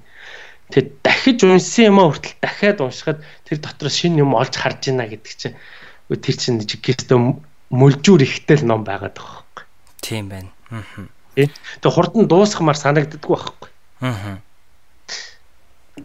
Тэгэхээр таны яг та өөрөө хэллээ шүү дээ уран зохиолын ном биш учраас гэх тийм ээ. Тэгэхээр яг энэ хов хүний хөгжил ч юм уу юм амьдрал дээр тулгуурсан номыг бол яг таны одоо уншиж байгаа арга барилаар буюу цаг хугацаагаа илүү зарцуулж унших нь зөв бах те. Ягаад вэ гэхээр тэрхүү номноос сурсан одоо нэг гол санааг л гэхэд та тэр өдөрт одоо бясалгаад тийм ээ энэ яг энэ санаа юу илэрхийлээд байна яаж амьдралдаа хэрэгжүүлж болох уу гэд илүү тунгааж унших хэрэгтэй боллоо гэж би бас бодсон юм. Тий, ер нь бол буян дэлгэр ахын номнуудыг би бол ингэж ботсон. Ерөөсөө үсрээл дээтэл нь хоёр сэдвийг л нэг өдөрт л унш. Аа. Тэгээд тэр уншсан тэр хоёр сэдвийн талаар бод. Тэр өдрийг зарцуул. Тэгээд болоо. Аа. Тэгхийн бол тэр сэдв энэ сэдв дээр юу биччих, юу хэлэх гээд байна вэ? Гэтэл ухаал бодоод. Тэгээд энэ биш юм биш үү гэд. Тэгээд дахиад ингээд тэр уншсан сэдвээ ингээд уншихаар аа энэ юм биш тэг тэр нь илүү их надад юм өгөөд байгаа байхгүй тэр тэр зохиолчийн тэр номны гол зорилго нь тэрэндээ байгаа байхгүй шур чур чур гэж уншаад уншаад аа аа ийм шүү дээ аа гэд ингээд уншаад явах биш. Дээт нь хоёр сэдвийг уншаад тэгэл ингээл хоёр сэдвээ харьцуулж боддөг юм уу? Эсвэл тэр уншсан нэг сэдвээ боддөг юм уу? Эсвэл тэр нэг өгүүлбэрийг боддөг юм уу Би нэргөө оноод хэлчихтэй гэл ингээл заримдаа бүр инээд ч хүрэх шиг. Үгүй энэ энэ энийг ямар муухай яжилж хэлээвэ ч гэдэг юм уу те. Тэр нь ингээд эргээд ингээд бодоод өдөржингөөгөө бодоход айгүй их тийм амттай байдаг хөөхгүй. Аа. Тий. Ном уншсан хүн амжилттай байдаг гэд ер нь бол нийгэмд айгүйх ойлголт одоо бий болж байна л да тий. Тэгэхээр таны яг хэлж байгаагаар илүү олон ном уншихтаа биш. Яг ингээд цаг хугацаагаа аваад бодож тунгаагаа тэгээ уншсан зүйлийг амьдралдаа хэрэгжүүлэх нь яг тэрхүү ном уншаад амжилттай байдаг гэдэг зүйл нь яг тэр юм болол гэж харах нь зөв бах те би бас залуучууд манай залуучууд бас айгүй их ном уншдаг юм хүм үзэж хардаг болжээ. Тэр нь бол айгүй их баярлууштай мундаг байна. Гэхдээ үзэж харсан тэр одоо уншсан номоо маш сайн ойлгох хэрэгтэй олон ном уншихтай гол нь биш тэрийг хэдийн яг ойлгож унссан бэ? Ойлгож өөрөндөө өөртөө суулгаж чадна гэдэг чинь мэдээж амьдралд нь бол хэрэгжээд эхэлнэ. Аа. Ойлгохгүйгээр маш олон номыг бол хэн бол хэн ч уншиж чадна шүү дээ. Аа. Тэ? Хамгийн гол нь тэр ном тэр одоо үдсэн юм нь юу хэлэх гээд цаад одоо утгах нь чамд юу ойлгуулах гээд энэ зохиолч энэ хүн энийг битсэн байх уу гэдгийг л ойлгож чадах юм бол дөрвөн ном байсан ч тэр хүний амьдралыг тэр чигт нь өөрчлөлөө шүү дээ. Яг зөв. 40 ном унснаас илүү дөрвөн номыг л ойлгоод уншичвал их сайн байна. Аа. Тийм. Яг зөв. За тэгвэл маш гайхалтай хариултанд баярлалаа. Хоёлаа 3 дугаар асуулт руу орох уу? За. За 3 дугаар асуулт маань энэ 7 хоногийн хамгийн дурсамжтай үйл явдал сэтгэлийн таашаал хүртсэн зүйл юу байсан бэ гэдэг асуулт байна. За энэ 7 хоног одоо яг миний амьдарч байгаа газар одоо улаан хөндөгний баяр болж байна. Аа. Тэгээд энэ улаан хөндөгний баярыг бол за Европ даяараа бол одоо ер нь бол шивэд даяар бол тэмдэглэж байна. Тэгэхээр энэ бол одоо өнгөрсөн 7 хоногт одоо миний сэтгэлд үлдсэн үйл явдал болж байна уу та. Тэг яагаад вэ гэхээр би ч нөө ресторанд ажилладаг учраас маш их улсууд нөгөө амарж байгаа учраас амар ачаалттай орж ирэл ажиллаж байна. Тэгээд ажил их хамгийн их байгаад 7 хоног байлаа. За тэгээд дээрэс ямар гоё гэр бүлэрээ юм баярыг тэмдэглэдэг юм бэ. Тэгээ дээрэс нь энэ улаан өндөгний баяраар энэ нөгөө хүүхдүүд нь ингээл айл айл тогшоол тий. Гэж чихэр гуйгаал ингээл явдаг юм байна. Тэгээд хүмүүс ингээд танихгүй хүүхдээ за хүүхд ирэхээр чихэр өгнө гэж чихрээ бэлдээл тэгэл ингэдэг юм байна. Хүүхэд баярлж байна. Тэгээ энэ надад айгүй айгүй зүв баярлаад байгаа. Манай монголчууд ч ингээл баяраа тэмдэглэхээр л заавал нэг арх уугаал хүүхдийн баяр байсан ч нэг л арх уугаал гэдэг шүү дээ. Ааха. Тэгтэл архихгүй яаж баярлж болдгийг бүр улс даяараа нүдэн дээр үзүүлэх шиг болж байна эдгээр нэрээ. Аа. Согтун хүнийх жалга тэнд хүүхдэл баярлаад явж байна. Тэгээ энэ л айгүй их одоо сэтгэлд үлдэж байна одоо. Энэ 7 хоногийн хувьд. Зөв зөв. Дөрөвдүгээр асуулт маань таны энэ 7 хоногоос онцлох дадал зуршил, dig рутин тийм ээ? Тэр нь юу байсан бэ гэдэг асуулт байгаа. Аа. За одоо дадал зуршил гэх юм бол нөгөө л нэг хоол руугаа орох гээд байна л да нөгөө шинээр хийх гэж байгаа юм тий. Тэгэхээр бол илүү их одоо энэ цагаан хоол, энэ бид хэрэгтэй, энэ хүнсний бүтээгдэхүүн энийг илүү их судлаад за тэгээд надаас илүү манай хүн дэлгүүнээ илүү их судалж надад ингээ ойлгуулж өгч байгаа юм л та. Тэгээ энийг л одоо яг бидээ одоо сайн суулгаж өгж биеэ сайхан одоо өшөө илүү. Яг гэвэл чи нэгэд тийм сэтгэлд аюугаа үеиг байгаад байгаа байхгүй. Би энийг идээд би энийг ингээд сурснараа эн чинь би урт наслан би эрүүл болж гин гэд бодохоор амар кайфтай байгаа байхгүй өмнө нь бол би чи хоолыг бол би цадаж байна би өлсөхгүй байх болно гэж ингээд хоолыг иддэг байсан бол одоо тэр ам руу орж байгаа хоолыг би энийг идснээр эрүүл болж байгаа би энийг идснээрээ те зөв хэм маягтай болж байгаа гэж идэхэр чи тэр хоолч хүртэл аюу амттай ороод байгаа Өмнө мах иддэг байхдаа зөвхөн цадах гэж иддэг байлаа. Тэ өлсөхгүй байх гэж. Гэтэл одоо би чи ирүүл байх гэж тэр хоолыг иддэг болчихсон. Аа. Тэгэхээр энэ дадал зуршлыг л одоо өшөө сайн бэхжүүлж өсөөш одоо өшөө сайн дараа дараагийн 7 хоногудад өөртөө суулгана да. Аа. Тэгэхээр өөрийнхөө амьдралд чи бол цагаан хоолтон биш биш гэдэг баг тий. Тий. Тэгэхээр бол чи бол бас бодоод үзэхгүй. Би хоолоо яг яг дотроо хоолоо идэж байхдаа юу бодож идэж гин гэ тий. Аа цадах гэж л идэж байгаа бах гэж бодож ш тий. Тий. Аа. Тэгэхээр таны хэлж байгаа өөрийнхөө амьдралдаа гайхалтай өөрчлөлт авчрахаас гадна тийм ээ таас одоо дэлхийн дулаар л тийм ээ энэ зөвлөлд бол маш том хувь хөрөнгө оруулж байгаа шүү дээ. Тэгэхээр миний сонссноор үхрийн мах идэхэ болчвол хүн тийм ээ нөгөө хүлэмжийн хий гэдэг чинь карбон диоксид гэдэг өөрөөсөө ялгаруулдаг. Тэр нь болохоор баг хүн мах идэхэ болчвол машинаас ялгарх одоо тэрхийг бууруулахаас илүүтэйгээр бууруулдаг гэдэг гэж байгаа байхгүй. Тэгэхээр таны үзэл бодол тэрэн дээр байгаа? Бидний одоо хов хүнийг бүрийн байгалийн одоо сайн сайхан ихтгэлийн сайн сайхны төлөө мах идэхгүй байх энэ хүү хөдөлгөөн бол их хүчтэй орнжийн л да. Тэрэн дээр таны бодол.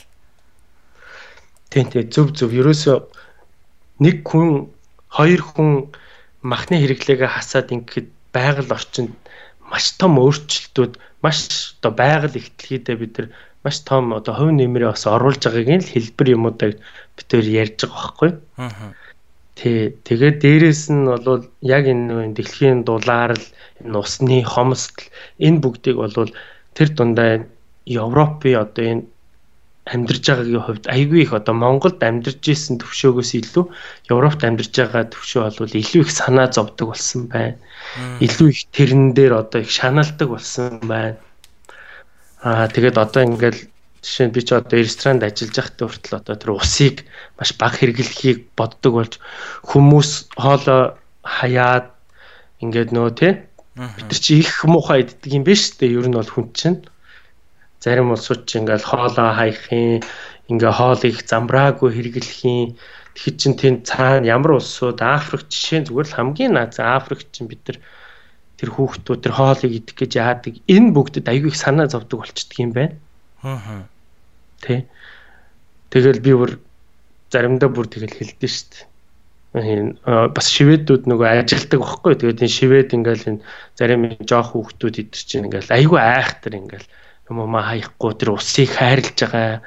Үгүй тэр юуны хоолны тэр үн цэнийг мэдж байгаа, ярьж байгаа эдрийг ингээ харахаа үгүй бүр багаас нь ингээ сургаж байна гэдэг чил маш том одоо эцэг их хөрөнгө оруулалт юм болов. А тэгтэл одоо энэ дөрвөж ирсэн улсуудын тэр тэр их цамаан байгаа тэр их одоо юу соёлгүй бүдүүлэг тэр хоол ундаа идж хайж байгаа тэр усыг хэрглэж байгаа эдрийг ингээ харахаар үгүй тэгэл ялгаа бол амар их гарч байгаа юм л та. Тэгээ яваанда эдэр бол ойлгоод ихтэх байх л та. Аа. Би бол тэг бодох. Одоо манай Улаанбаатар хотын усны нөөц 2021 он гэхэд л үдэ тэнцэнэ гэдэг жисэн. Тэр нь болохоор ер нь бол бид тэр цаг үеэс ахуулаад монголчуудын одоо усны хэрэглээгээ тийм ээ бид нэр бидний шаардлагатай усны хэрэгцээ тэгээ Монголд Улаанбаатартаа усны хэрэгцээ ингээ тэмцээ түүнээс хойш ингээ буураад эхэлнэ гэж байгаа байхгүй. Тэгэхээр бидний шаардлагатай усны хэрэгцээ илүү бага хэрэгцээ ингээд илүү бага нөөц бидэнд байгаад эхэлнэ. Тэгээ монголчууд маань яг одоо таны хэлж байгаагаар нэг хоёр хүн л амьдралтаа өөрчлөлт оруулахад ямар их нөлөө гаргаж ийн гэхээр за би мах идэхгүй байхаар дэлхийн бусад одоо 6 тэрбум хүн мах идээд хаар чи яах юм бэ? Нэмэр байхгүй ш гэж айгүйх тийм хандлага ер нь хүн болгоноос ажиллах гэдэг тийм ээ. Тэр энэ дээр ер нь та юу гэж боддог вэ? Хүмүүс айгүй их тийм зүйл хэлдэг штэ маш ихээр. Би бол тэр улсуудад зүгээр нэг л юм хэлдэг штэ. Чи бусдыг дагаж амьдрах уу? Яг өөрөө өөрөөрөө амьдрах уу? Бусдыг дагаад тэгвэл чи өө энэ нийт улсууд гудамжинд хоноод штэ. Би тэгвэл гудамжинд хоныг л хоноо л доо. Тэ? Тэдрээс ялгахын тулд чи тэр чин арай нэг өөр орон сууц аваад тэдрээс ялгахын тулд нэг арай нэг өөр юм гээл хэрэглэх гээл зүтгээд байгаа ч тийм. Уу яг тэдэртээ зүтгэсэн шиг тий. Бас нэг зөв юмд нэг өөрчлөлтийг бусдыг дагалгүйгээр тий. Бусдын буруу дуурайгаад байгаа юмыг дагалгүйгээр нэг өөрчлөлт өөрийнхөө амьдралдаа хийгээч гэдэг имийг л ярьдэн штэ ер нь бол ингээ зарим нэг улсуудад зарим нь ойлгодог чинь зарим нь ойлгодогчгүй заавал ойлгуулад ахыг ч хүсдэгчгүй тэгээд өөрсдөө хизээ нэгэн цагт ойлгох байлгүй гэж орхидгийг. Тэгээ ер нь тэгээд би ганцхан л юм гээд. Яагаад бусад одоо түрүүний хэлж штэ тэ би цагаан олтон болох бусд маань ингээд а бусад усууд мах идэл ингээл яваад штэ. Ганц хүний тэр өөрчлөлт энэ дэлхий гэдэг энэ гариг дээр ямар их өөрчлөлтийг авчирдгүү, ямар их нөлөө үзүүлдэг гэдгийг тэр хүн ойлгоогүй байна л да. Ойлгочих юм бол бас бас нэг шийдвэр гарах болов уу гэж байна. Аа Тэгэхээр болоод би тэр бусдыг битээ даган байсаа чи өөрийнхөөрөө өөрийнхөө үзэл бодолтой тэгэд өөрөө өөртөө нэг тийм нэг зөв амьдралыг зөв хэм маягийг л тогтоогосоо л гэж боддоо шүү дээ. Аа. Тэгэлгүй яах вэ? За тэгэхээр маш гайхалтай хариултаа хоёлаа ингээд 5 дугаар асуулт руу орох уу? За тийм. За. 5 дугаар асуулт маань энэ 7 хоногт танд хамгийн их нөлөө үзүүлсэн хүн эсвэл үйл явдал юу байсан бэ? Мөн хэрхэн нөлөөлсөн бэ гэдэг асуулт байгаа. Аа. За нөлөө үзүүлсэн хүн гэх юм бол за ер нь бол одоо манай хүн чинь надад их нөлөө үзүүлдэг шүү дээ. Аа. Тийм бүр үе үе бүр зочтол зочтол нөлөө үзүүлнэ. За жишээ нь одоо нөгөө л нэг цагаан хоолн дээр ярих гэдэг. Манай хүнжил энэ цагаан хоолтон болъё гэдэг энэ нөлөөг хамгийн анх тавьсан. Яг энтэй адилхан тэгээд аа ер нь бол цаашдаа ер нь яах уу, ийх үү, яаж амьдрах уу, амьдралаа яаж одоо цаашдаа авч явах уу гэдэг би тэр ингээл айгүй их ярилцсан л та. Аа. Тэг тэгээд тэрэн дээр бол айгүй их содон содон сонин сонин санаануудыг гаргаж ирдэг юм. Ер нь бол манай хүн чинь ер нь их тийм шинийг эрэлхийл шин санаа их гаргаж ирдэг штэ. Тэр нь их бит хоёрын амьдрал заримдаа ингээд оронгоор нь эргүүлэгч гэдэг юм уу те. Эсвэл заримдаа их зөв зөв зүйтэй юмнууд болдгоо л доо. Тэгээ тэрнийг хэрэгжүүлдэг хүн би болчиход байгаа байхгүй. Аа. Тий. Тэгэхээр миний хамгийн их нөлөө үзүүлдэг ер нь өнгөрсөн 7 хоног тэрний өмнөх 7 хоногт хамгийн их нөлөө үзүүлдэг хүн манай хүн дөлгөөнөө. Аа. Тий. За тэгээ дээрэс нь а одоо энэ буян дэлгэр ахын номнууд байна. Аа. Тий, эдэр их нөлөө үзүүлдэг. Тэгэд миний одоо бас зайшгүй одоо салж болохгүй би чи өөрөө киноны мэрэгжилтэй болохоор чи кинонууд надад их нөлөө үзүүлнэ. Аа. Үнээсээ илүүтэйгээр ер нь бол кино их нөлөө үзүүлнэ шүү. Аа. Тэгээд нөгөө юу яачдаг юм бэ л л дээ бас ингээд яг нөгөө мэрэгчлэр нь сураад за тэгээд ингээд мэрэгчлэр нь ингээд энэ киноны цаана юу ингээ хэлэх гээд байна вэ? Надад юу ойлгуулах гээд байна вэ гэд ухаад ингээ тэр кино хамт ингээ бүтээгээд хийлцээд үзээд ирэхээр тэр киног ингээд цаана хэлэх гээд байгаа санааг ойлгоход аюу хэлбэр болоод ирчихдэг байхгүй. Аа. Би одоо бас нэг хүмүүст бас нэг тийм контент хий гэж бодоод төлөвлөөл бэлтгэл ажил дээр яваад Аа. бид нар өнөөдөр киног ингээд яаж зөв үзэх вэ гэл тээ. Аа. Тэгвэл манай Монголд нэг тийм ойлголт байгаад байна шүү дээ. Тэр өстө лаг гой кино айгүй их уйлсан гэл. Одоо уйлалаа л гэдэг кино тэгвэл өстө дэлхийн шилдэг кино болдгоо тийм ойлголт гарч ирэх гээд байгаа байхгүй. Аа. Тэ? Хамгийн гол одоо киног бид нар зөв үзээд зөв өнцгөөс хардаг болчих юм бол тэр киноны хэлэх гээд байгаа санаа юу бидэнд ойлгуулах гээд байгаа гэдгийг мэдэх юм бол киноноос маш их сурах юм байдаг байхгүй. Тэр дундаа одоо энэ дэлхийн мундаг классик кинонуудаас Аа. нэг киног үзэхэд 5 ном унсны дайны мэдээлэл авдаг. Аа. Яагаад вэ гэхээр кино ч өөрөө нэг хүний уран бүтээл биш, хамтын уран бүтээл байдаг. Аа.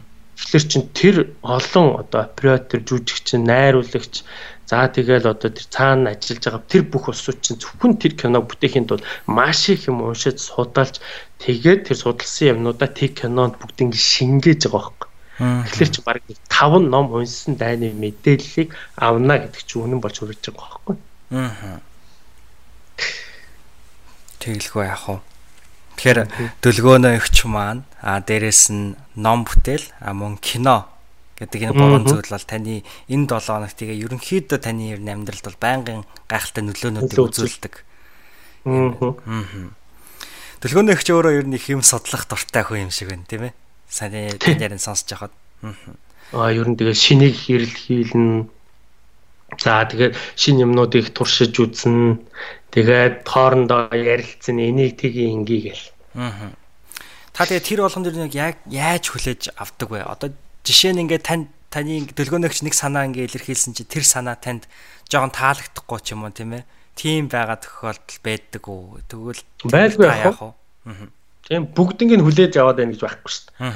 Тэгээд мэдээж ярилцсан хэрэг огт таалагдахгүй юм байвал үгүйг нь муудалцсан санал зөрөлдөн чи намайг тоохгүй байна гэдэг юм гарч ирнэ. За тэгэл ингээл ойлгуулна. За тэгвэл хамаагүй туршаад үзье гэдээ өөрт нь яг туршиж ингээл өөрөө би энэ дээр хийж үзүүлнэ. Тэгээд надаас ингээ харчаад аа энэ болохгүй юм байна гэд ойлгож аавна. Ер нь бол ер нь нэг тиймэрхүү процессуд болдсон шүү дээ. Аа. Тий. Заримдаа хөгжилтэй ч юм шиг тэгэл. Тий. Тий. За маш гайхалтай хариултад өгсөн. Төвш ахта баярлаа. Хоёлаа ингээд 6 дугаар асуулт руу орох уу? За тэгээ. За. 6 дахь асуулт маань болохоор энэ 7 хоногийн тань амжилт юу вэ? Өөрийнхөө нуруу дээр алгадаад өөртөө сайн байсан шүү гэж хэлэм тэр амжилт гэдэг юм асуулт. За энэ 7 хоногт за амжилт гэх юм бол за хоёр нөгөө нэг одоо нэг Positive Mongolians-ийн төсөл дээр нэг шинэ хуваар өнгөрсөн 7 хоногоос эхлээд гаргацсан байгаа. Аа. Одоо нөгөө хийж байгаа контентуудаа яг өдөр өдрөөр ингээ гаргах. Аа. За тэгээд өнгөрсөн 7 хоногт трийгээ гаргаад яг тэрүүгээрээ явсан. Энэ 7 хоногт бас яг тэрүүгээрээ явсан. Тэгээ болох юм байна гэдэг зүйлийг бол ойлгосон. Яаж хийж байгаа болгож болох юм байна гэдэг. Тэгээ энэ л одоо бит өөрийн хувьд бол өнгөрсөн 7 хоногийн амжилт юм уу? Яагаад вэ гэхээр өөрсдийнхөө ажлын хажуугаар 5 контентийг гаргана гэдэг чинь бит өөрийн хувьд бол амжилт болчихж байгаа байхгүй. Тэгэлгүй яах вэ? Тий. Бид хоёр чинь өглөө гараад ажилдаа яваал орой ирээл тэгээд ирээл амрах цагтынхаа жоохон тэр цагаас нь 2 3 цагийг өдөр болгон яг эндээ зориулаад ингээ яваад хахаар. Тэгэхээр би энүүгээр яг юу хэлэх гээд байна гэхээр бас нэг залуучууд маань ажлынхаа хажуугаар өөрийнхөө хүссэн ч юм уу эсвэл өөр дахиад шаал өөр юм хэрвээ ингээ те. Цаг зарцуулъя гэж хүсэх юм бол болдгийм байх шүү. Болдгийм байна. Яг үнэндээ яг ажлын 5 өдөр. Амралтын өдрүүд ш тэр өөрөө хүсэх юм бол манайхан за энэ 7 ажлаас ирлээ ядраад байна гэл удах ч юм уу те. Ингээл ингээл юу яадаг? Хоногийн 24 цагийг зөв хуваарлж чадах юм бол ажлынхаа хажуугаар бас өөр юмд цаг зав зарцуулаад бүтээлч үйл ажиллагааг ус хийж болдгийм байна гэдгийг бид хоёр өнгөрсөн 7 хоногт олж мэдсэн юм бол тэр юм байгаа маа. Аа. Тэ. Тэглгүй вэ? Тэгээд та хэллээ штэ ингээ ажилласаа ирчээд ядраад за болиё гэдэг гэдэг. Энэ дээр цаг төлөвлөгөөс гадна яг таны хэлж байгаа бас өөрийнхөө бие тийм ээ би эрүүл мэндэд анхаараа зөв хооллоод эрүүл хөдөлгөөн биеийн тамир хичээл гэх мэтчтэн зүйлүүд бас их нөлөө үзүүлэх бах тийм ээ? Өөртөө цаг гаргахын тулд тий. Би ч бас хажуугаар фитнестэй явдсан шүү дээ аа тий одоо би чи нэг 10 кг за дээдл нь 10 кг доотл нь нэг 7 8 кг турна гэсэн мангар том зорилт тавьсан байгаа. Аа тэгээд за тэгээд тэрэндээ хүрэх гээл тэгэл хаяада явна хаяада бүр яг амжихгүй бол явж чадахгүй тэгтэл яаж иж байгаа л явахыг хичээгээд байгаа байхгүй. Аа Тэгээ болдгийн байна гэдгийг бол айгуусаа ойлгоод байгаа хөөх. Хүмүүс чинь ингээд тэг ядарч гин ядарч гин гэж бошуух унтаж амрах л гээд хүн ерөөсөө нэг хүсрэл нэг 5-аас 6 цаг унтахад бол үнэхээр хангалттай юм бэл. Аа. Яач ядарсан байсан. Аа. Тэгэл босоод яг энэ төлөвлөсөн юм руугаа зүгээр л зүгээр л босоо шууд ингээл гараад яг л энэ төлөвсдөхгүй бол за тэгж жагаад нэг хийндэ за нэг тэгчихэж жагаад хийндэ гэл ингэдэх юм бол цаг чи явгаа л байгаа хөөх. Яг үүндээ одоо Европт ирээд энэ амьдрсэн хугацаанд бол энэ цагтаа бол зүгээр л зүгээр л уралдааны морь шиг л уралцсараа байгаа л амьдрал бол өнгөрч штэ. Аа. Ер нь тэр нь илүү амьдралыг бас айгүй хэмнэлттэй тэгээ дээрэс нэг сонирхолтой болгодог юм байлээ. Аа. За нэг тэгж за нэг цай уучж жагаад нэг юу яан да. Нэг тэрийгэ хийндэ. За нэг өдрийн хоолны дараа тэрийгэ хийндэ гэсээр хөтл хайр 2 цаг, хайр 3 цаг асаа ичиж байгаа байхгүй тэглэх байх уу. За маш гайхалтай сургамж гэмээр зөвлөгөө өгсөнд маш их баярлалаа. Тэгээ хоёлаа 7 дугаар асуулт руу орох уу. За. За 7 дугаар асуулт маань та өнгөрсөн 7 хоногт өөрийнхөө хамгийн сайн хувилбар нь байж чадсан уу гэдэг асуулт байгаа. Аа.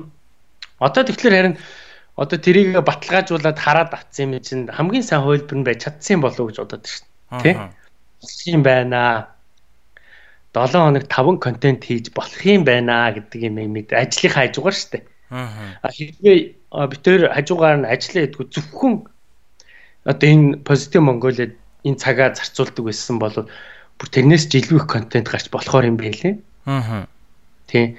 Тэгэхээр энэ их ажлын хажуугаар битэр чи ажилда хамгийн доотлол 8 цаг ажиллаж байгаа шүү дээ.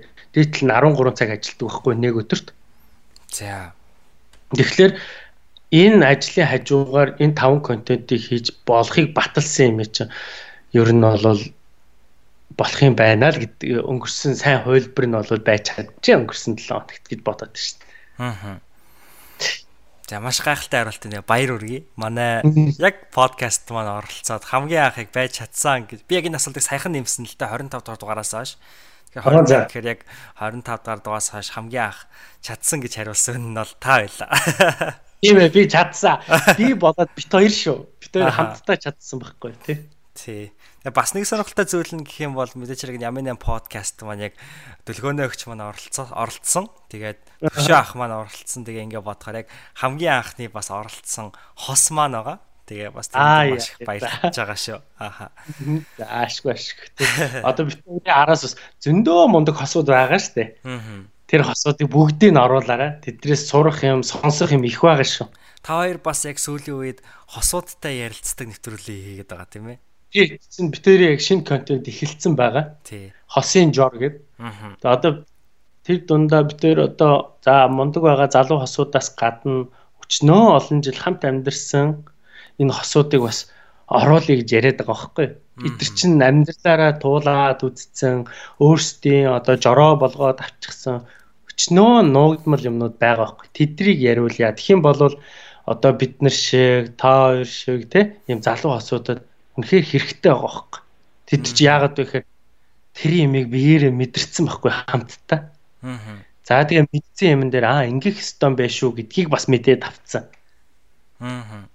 Тэдрийгээл хилээчээ бидэндээ заагаач ээ л гэсэн гол утга санаатай нэвтрүүлэх байхгүй. Тэгэхээр маш их баярлалаа залуу үеийнхэндаа хийгээ монголчууд ийм гайхалтай контент гаргаж аваад. Тэгэхээр яагаад вэ гэхээр мэдээж хэрэг нийгмийн хамгийн үндсэн нэгж бол өөрөө гэр бүл байгаа тийм ээ. Тэгэхээр яг бидний амьдралын хамгийн хугацаа өнгөрүүлдэг тэрхүү орчин тэрхүү амьдралын хэсгийг бас илүү баяжуулахын тулд гайхалтай контент хийж байгаад мэдээж хэрэг залуучдынхаа өмнөөс маш их баярлж байна. За тэгэхээр хоёулаа ингээд хоёулаа тэгвэл ингээд 8 дахь асуулт руу орох уу те. Энэ нь болохоор манай сонсогч нарын зүгээс нэг асуултыг би сонгосон байгаа. За. За. Тэгэхээр тэрхүү сонсогчийн маань нэрийг Даваахүү Батөмөр гэдэг юм байна. Тэгээд энэ хүү асуултыг илгээсэн сонсогчдоо маш их баярлалаа. Тэгээд асуулт нь юу вэ гэхээр хин нэгнээс авч ирсэн хамгийн гайхалтай зөвлөгөөг нь сонсё гэсэн байна. Аа. За зөвлөгөө гэх юм бол намайг оюутан байхад Монгол улсын ардын жүжигчин Цэрэн Давг гэдэг манай нөгөө ангийн багш байсан л да. Аа. Тэгээд тэр цэрэн давг багш нэг одоо нэг оюутнууд бид нэг бөөнүүлээ лекцэн дээр сууж байхад нэг бас нэг баяр боллоо яалаа тэгэхэд нэг тайзан дээр гарч ирээд оюутнуудад хандаж үг хэлжсэн байхгүй. Аа. Тэгээ нэг ганцхан өгүүлбэр бүр бүр насан туршид маань сэтгэлд маань хоногшиж үлдсэн. Тэгээ тэр үг бол хамгийн анх удаа цэрэн давг багшаа сонсч ирсэн. Тэгээд одоо ер нь тэр үгийг аюу их бодож явдаг байхгүй. Аа. Тэр үг минь юу вэ гэхээр зэмлэл магтаал хоёрыг зэрэг хүртэж яваарай хөгтүүд минь хичээлсэн.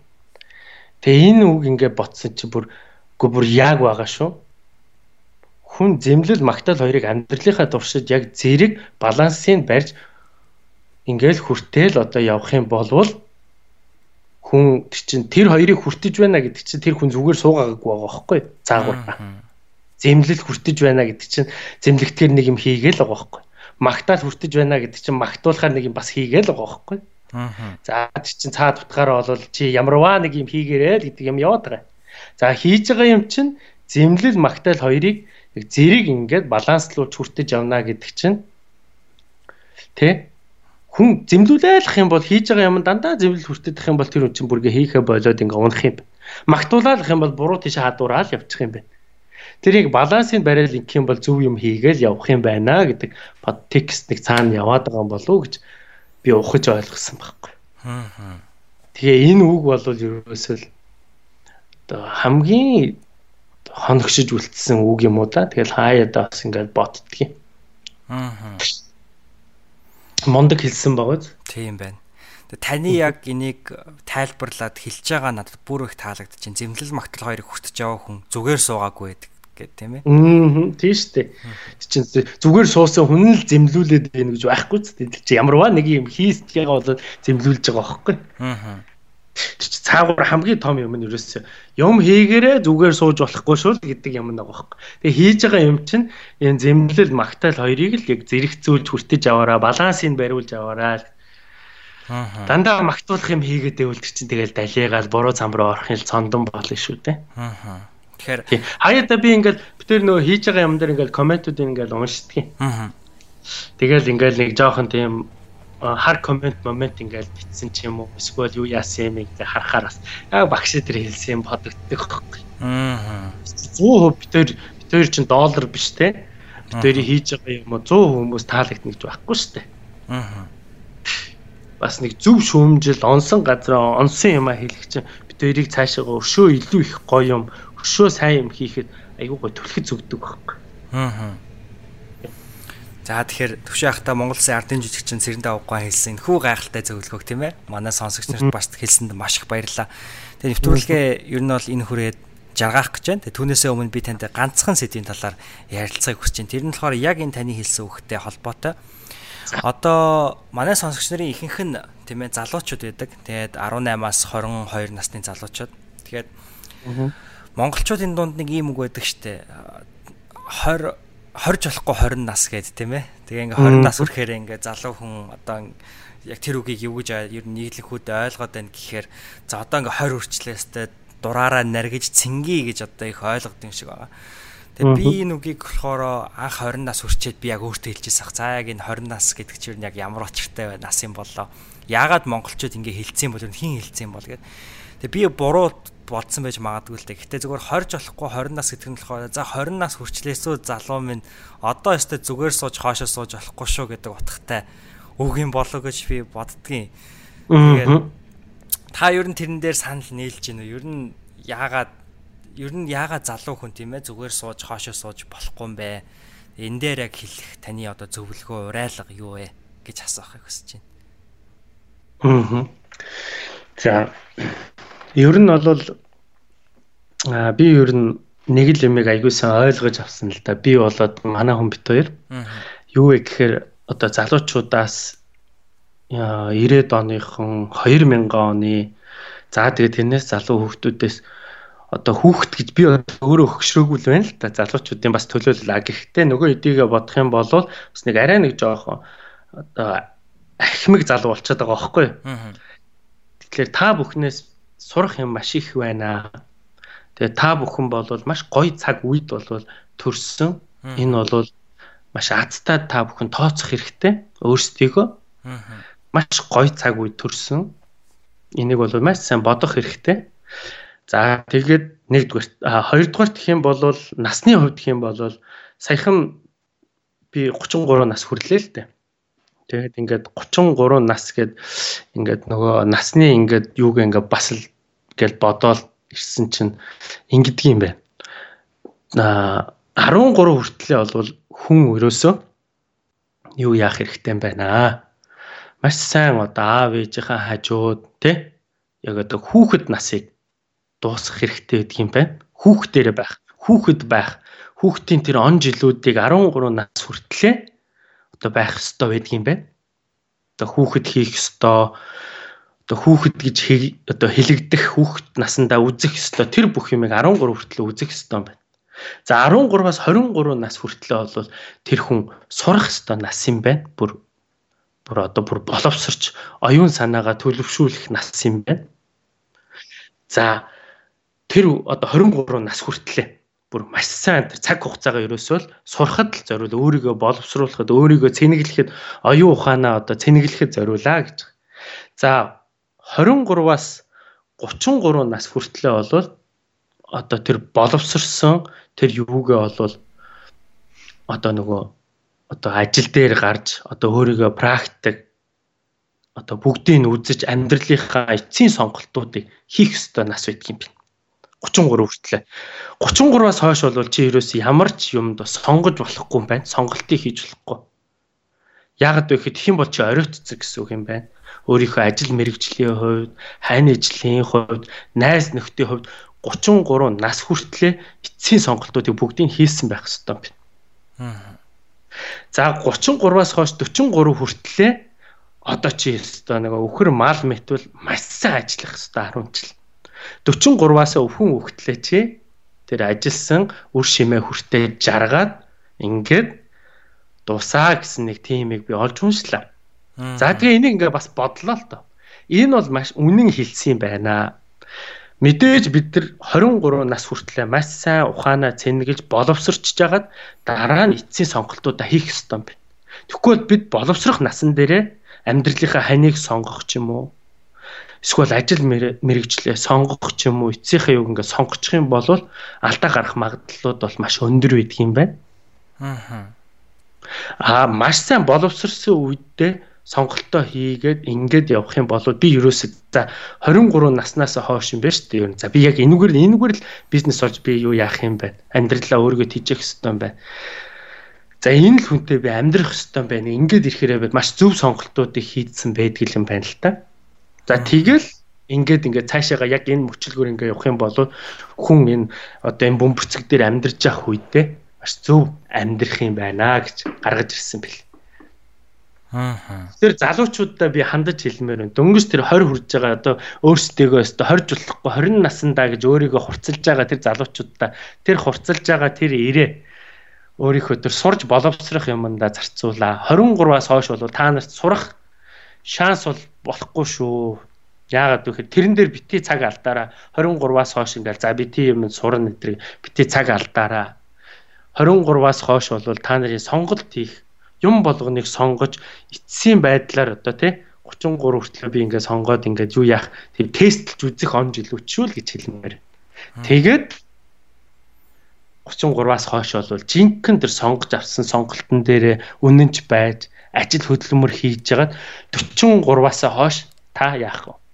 Тэр бүх юмныхаа үр шимийг үзэж дэлхийгээр тойрж аялаж энэ тэрүүгээр өөрийгөө амрааж тех нас чинь шүү. Тэгжээж тэх юм бол ингэж чадах юм бол үхэхтэй харамсахгүй өгөх юм байна гэж. Аа. Одоо бид нар чинь үхэхтэй одоо харамсахгүй үхэхийг л бодоод байна шүү дээ. Аа хүн ерөөсөө ингээд яг өөхөх ингээд нас нь ойртод ирэхээр ингээд айгүй их юмд харамсдаг юм байна л та. Яах гэж тэгж их ажилваач гэж ах шиг тий. Тэгэхээр л ерөөсөө 43 хүртлээл одоо ажиллаа 43-аас хойш болоо. Тэгэхээр цаашаага одоо 43-аас хойш ажиллахгүйгээр хүн хөлтлөө амьдрах тэр хөрөнгө, тэр мөнгө, тэр болцоог тэр бизнесд чамааг ингээд тижээгэж авчих тэр бүх нөхцөлийг л бүрдүүлээл гэдэг байгаа байхгүй. Аа Зөө зөө. Би бол ерөөсөө тэрний төлөө л явахаар шийдсэн. Тэгээ ингээ бодоод үзсэн чи би яг зөв зөв явсан юм шиг санагдсан шүү надад л. Аа. Одоо бол миний бүх юм одоо эцсийн сонголтууд бол дуссан шүү дээ. Хань ижлийн хувьд шүү. Тэр мэрэгжлийн хувьд. Тэр надад одоо дахиад шинээр сонгодох шаардлага байхгүй. Аа. Одоо миний бол чиг нөгөө ажиллах 43 хүртэл ажиллаад 43-аас хойш бол ингээл сайх амарнаа л гэж боддог. Аа. За. Тэгэхээр амьдрал гэдэг өөрөө их сонирхолтой юм шиг. Амьдрал өөрөө их богинохон байхгүй. Ингээ бодоод үзэхээр айгүй богинохон байгаад байгаа байхгүй. Аа. Тэгэхээр цаг хугацаа эргэж болтохгүй амьдрал өөрөө маш богинохон учраас залуучуудыг ингээд хий дими PC тоглох ч гэдэг юм уу эсвэл хий дими найзуудтайгаа зүгээр чалчих ч гэдэг юм уу те. Энэ цаг хугацаагаа бити үрээрээ тэр сурах өгөө боловсруулах тэр сонголтуудыг хийх зөв сонголт хийхин тулд наана маш олон буруу сонголтуудыг хийж тестлэн штэ. Тэгжээж аа энэ бол миний зөв сонголт юм байна штэ гэж эцсийн дүн дээр сонгоно. Тийм Тэгэхээр тэр сонголтуудыг хийх тэр цаг хугацаа, тэр өөрийгөө хөгжүүлэх тэр цаг хугацааг зүгээр нэг PC тоглох ч гэдэм үү, зүгээр нэг найзуудтайгаа маазрах ч гэдэм үү, зүгээр л нэг ингээд зүгээр цаг хугацааг бити өнгөрөөгөөрөө хийх юм их байгаа шүү л гэж хэлэх гээд байна. Тийм байна. За тэгэхээр маш гайхалтай зөвлөгөөг манай сонсогч нарт залуу үеийнхэндээ хэлж тийм ээ үлдээж байгаад маш их баярлалаа. Би тэгээ өөрөө удахгүй 23 нас хүрэх гэж байгаа. Хитгэн одоо сар сар гарах хугацаанд дараа. Тэгээд бас хүн амьдралтаа яг зөв цагтаа зөв хүнтэй очиж уулзаж ярилцаж сонсдог гэдэг бол би хитгэдэг. Тэгээд төвшөө хаас өнөөдөр маш сонсох ёстой зүйлийг бас сонсоод сууж ийн гэж өөрийгөө их олзуурах чинь тэгээд маш их баярлалаа. баярлалаа. Одоо тэгвэл 23 нас хүрэх гэж байна гэж бол одоо чиний суурч юмыг суудалж өөрийгөө цэнэглэх нас чинь бол ингээд он хугацаа чинь бол дуусчихлаа шүү дээ. Тийм байна. Одоо бол 23-аас хойш чиний ингээд юу одоо тэр сурсан юмаа сонгож би энүүгээр үн цааштай амьдрах уу инкүүгээ сонгох он жилүүд 10 жил чи эхэлж штэ. Аа. Тийм багаз. Тийм байна.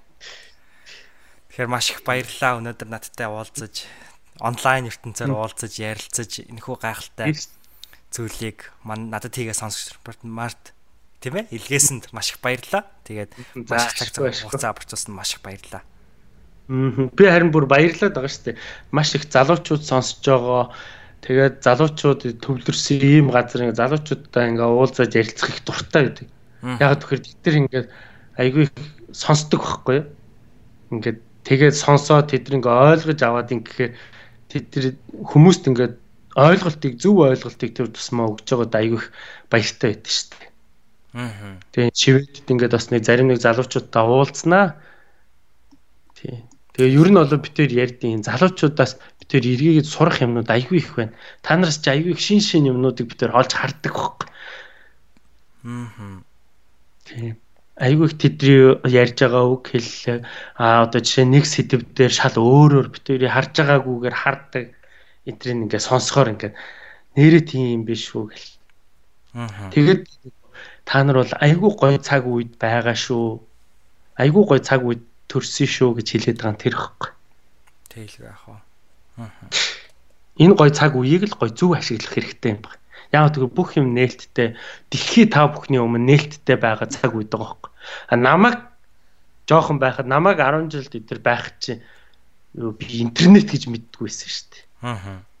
Яг үнэндээ тэгтэл одооны залуучуудад намайг 15 таа байхад, намайг 16 таа байхад дэлхий миний гарт баригдажсэн бол би ямар байх байсныг мэдэхгүй шүү дээ. Одоо дэлхий чиний гарт баригдсан явж чи пад тэгээд фэйсбુક руу ороход пад гэж Google руу ороход дэлхий хаана юу болж байгааг чи үзэж болохоор юм цаг үед байгаа. Намайг 16 та намайг 15 та тийм байхгүйсэн шүү дээ. Би зүгээр контейнерүүдээгүүр Google тоглож өсөж илсэн шүү дээ. За. За тэгэхээр төвшөө ах юм маань яг энхүү ярьж байгаа сэдвүүдээр төвшөө ах маань төвшөөгийн подкаст гэдэг подкастаараа дамжуулж төлгөөнөгч тааас ярилцсан байгаа тийм ээ. Тэгээд подкастыг маань сонсож байгаа хүмүүс төвшөө ахын маань подкастыг хийгээд мөн бусад positive Mongolians-ийн төслийн маань тийм ээ төрөл бүрийн контентуудыг YouTube сувгаар хийгээд Facebook-ээр нь веб пэйжээр нь дамжуулаад хүлээн аваарай гэж уриалж байна. Тэгээд энэ удаагийн маань 28 дугаар дугаартаа оролцсон төвшөө ахта бас дахин дахин баярлалаа. Тэгээд за баярлалаа. Өдрийг сайн өнгөрүүлээрэй. Баярлалаа. Залуучуудад өөрийнхөө үзэл бодлыг өөрийнхөө үгээ хэлэх төр шансыг гаргасан баярлалаа. Тэгээд залуучууд маань өөрсдийнхөө оюун ухаанаар авах гэхийн ухаанаар хандаад зарим нэг зүйлийг аваад зарим нэг санал нийлэхгүй байгаа зүйлийг заавал ойлгохгүй тэрийг ухаад өөрийгөө зовоогдох шаардлага байхгүй. Тэгээ сайхан өөрсдийнхөө ойлгоод тэгээд ер нь хүн ер нь өөрийнхөөрөө өөрийнхөөрөө ойлгоод өөрийнхөөрөө амьдрах шиг жаргал байхгүй шүү дээ. Гэхдээ өөрийнхөөрөө явж байгаа тэр үйлдэл тэр ойлголт маань зөв л байх хэрэгтэй. Аа. Бусдад зөв байх хэрэгтэй. Өөртөө болон бусдад тэрийг л хэлээ да. Тэгэлгүй яах вэ? За маш их баярлалаа. Баяр таа. За баяр таа.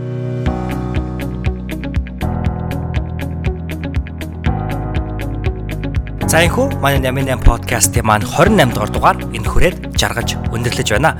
Надтай хакигээ төвшин баяр ахтай маань энэ хүрт хамтдаа байсан сонсогч нэг бүртээ чин сэтгэлээсээ талархал илэрхийлж байна. Тэгээд Ямин 8 подкаст маань энхүү 28 дугаарын ард гараад буйда би маш их баяртай талархаж байна. Энэхүү хугацаанд хамтдаа байсан сонсогч нэг бүртээ дахин дахин баярлахыг би бүчин сэтгэлээр хүсэж байна. Ягаад ч юм. За тэгэхээр энэхүү Ямин подкаст маань та бүхэн мэдж байгаа. Би өнийг дахин дахин сануулж хэлсээд байгаа нь юу вэ гэх юм бол бидний нэрээ сольж Сэхэдэ Монгол подкаст нэртэй болсон байгаа шүү дээ. Тэгэхээр ягаад Сэхэдэ Монгол подкаст гэж нэртэй нэрээ сольсон бэ гэхээр та бүхэндээ илүү олон өөр контентуудыг хүргэхийг хүсэж байгаа. Тэгэхээр та бүхэнд маань надаас хийгээд манай сэхэтэн төслийн маань ард байгаа залуучуудаас хүсэж байгаа хүсэлт альва зүйл байх юм бол над руу мессеж бичгээс бити царгалаарай. Би заримдаа мессежүүдээ мессеж request гэсэн хэсэг рүү орчдөг учраас а ирсэн гүгөөг нь мэдэхгүй хойшлуулад явсан тохиолдол зөндөө байдаг. Гэтэ айлгах цаг зав зохицуулаад та бүхэн рүүгээ хариу бичихийг та бүхнийхээ санааг хэрэгжүүлэхийг маш их хичээж бодож явдаг шүү. Хэрэг төшөө ахыг маань хэлжсэнаар магтаал зэмлэл хоёр үгүй бол тэр хүн зүгээр суу сууж байгаа л гэсэн үг тийм ээ. Тийм учраас магтаал хийгээд зэмлэл бүхнийг гайхалтайгаар хүлээцтэйгээр, нээлттэйгээр, жаргалтайгаар хүлээж авах болно. Тийм учраас та бүхэн маань санаа сэтгэлдээ заавал мөн манай iTunes-ийгээд бусад подкаст платформуд дээр дамжуулан сэтгэлдээ бичээрэй гэж та бүхнээс хүсэж байна. За ингээд хэвлээ дараагийнхаа дугаараар иргэн уулзцай 4 сар таны хувьд хамгийн гайхалтай сар байх болтугай.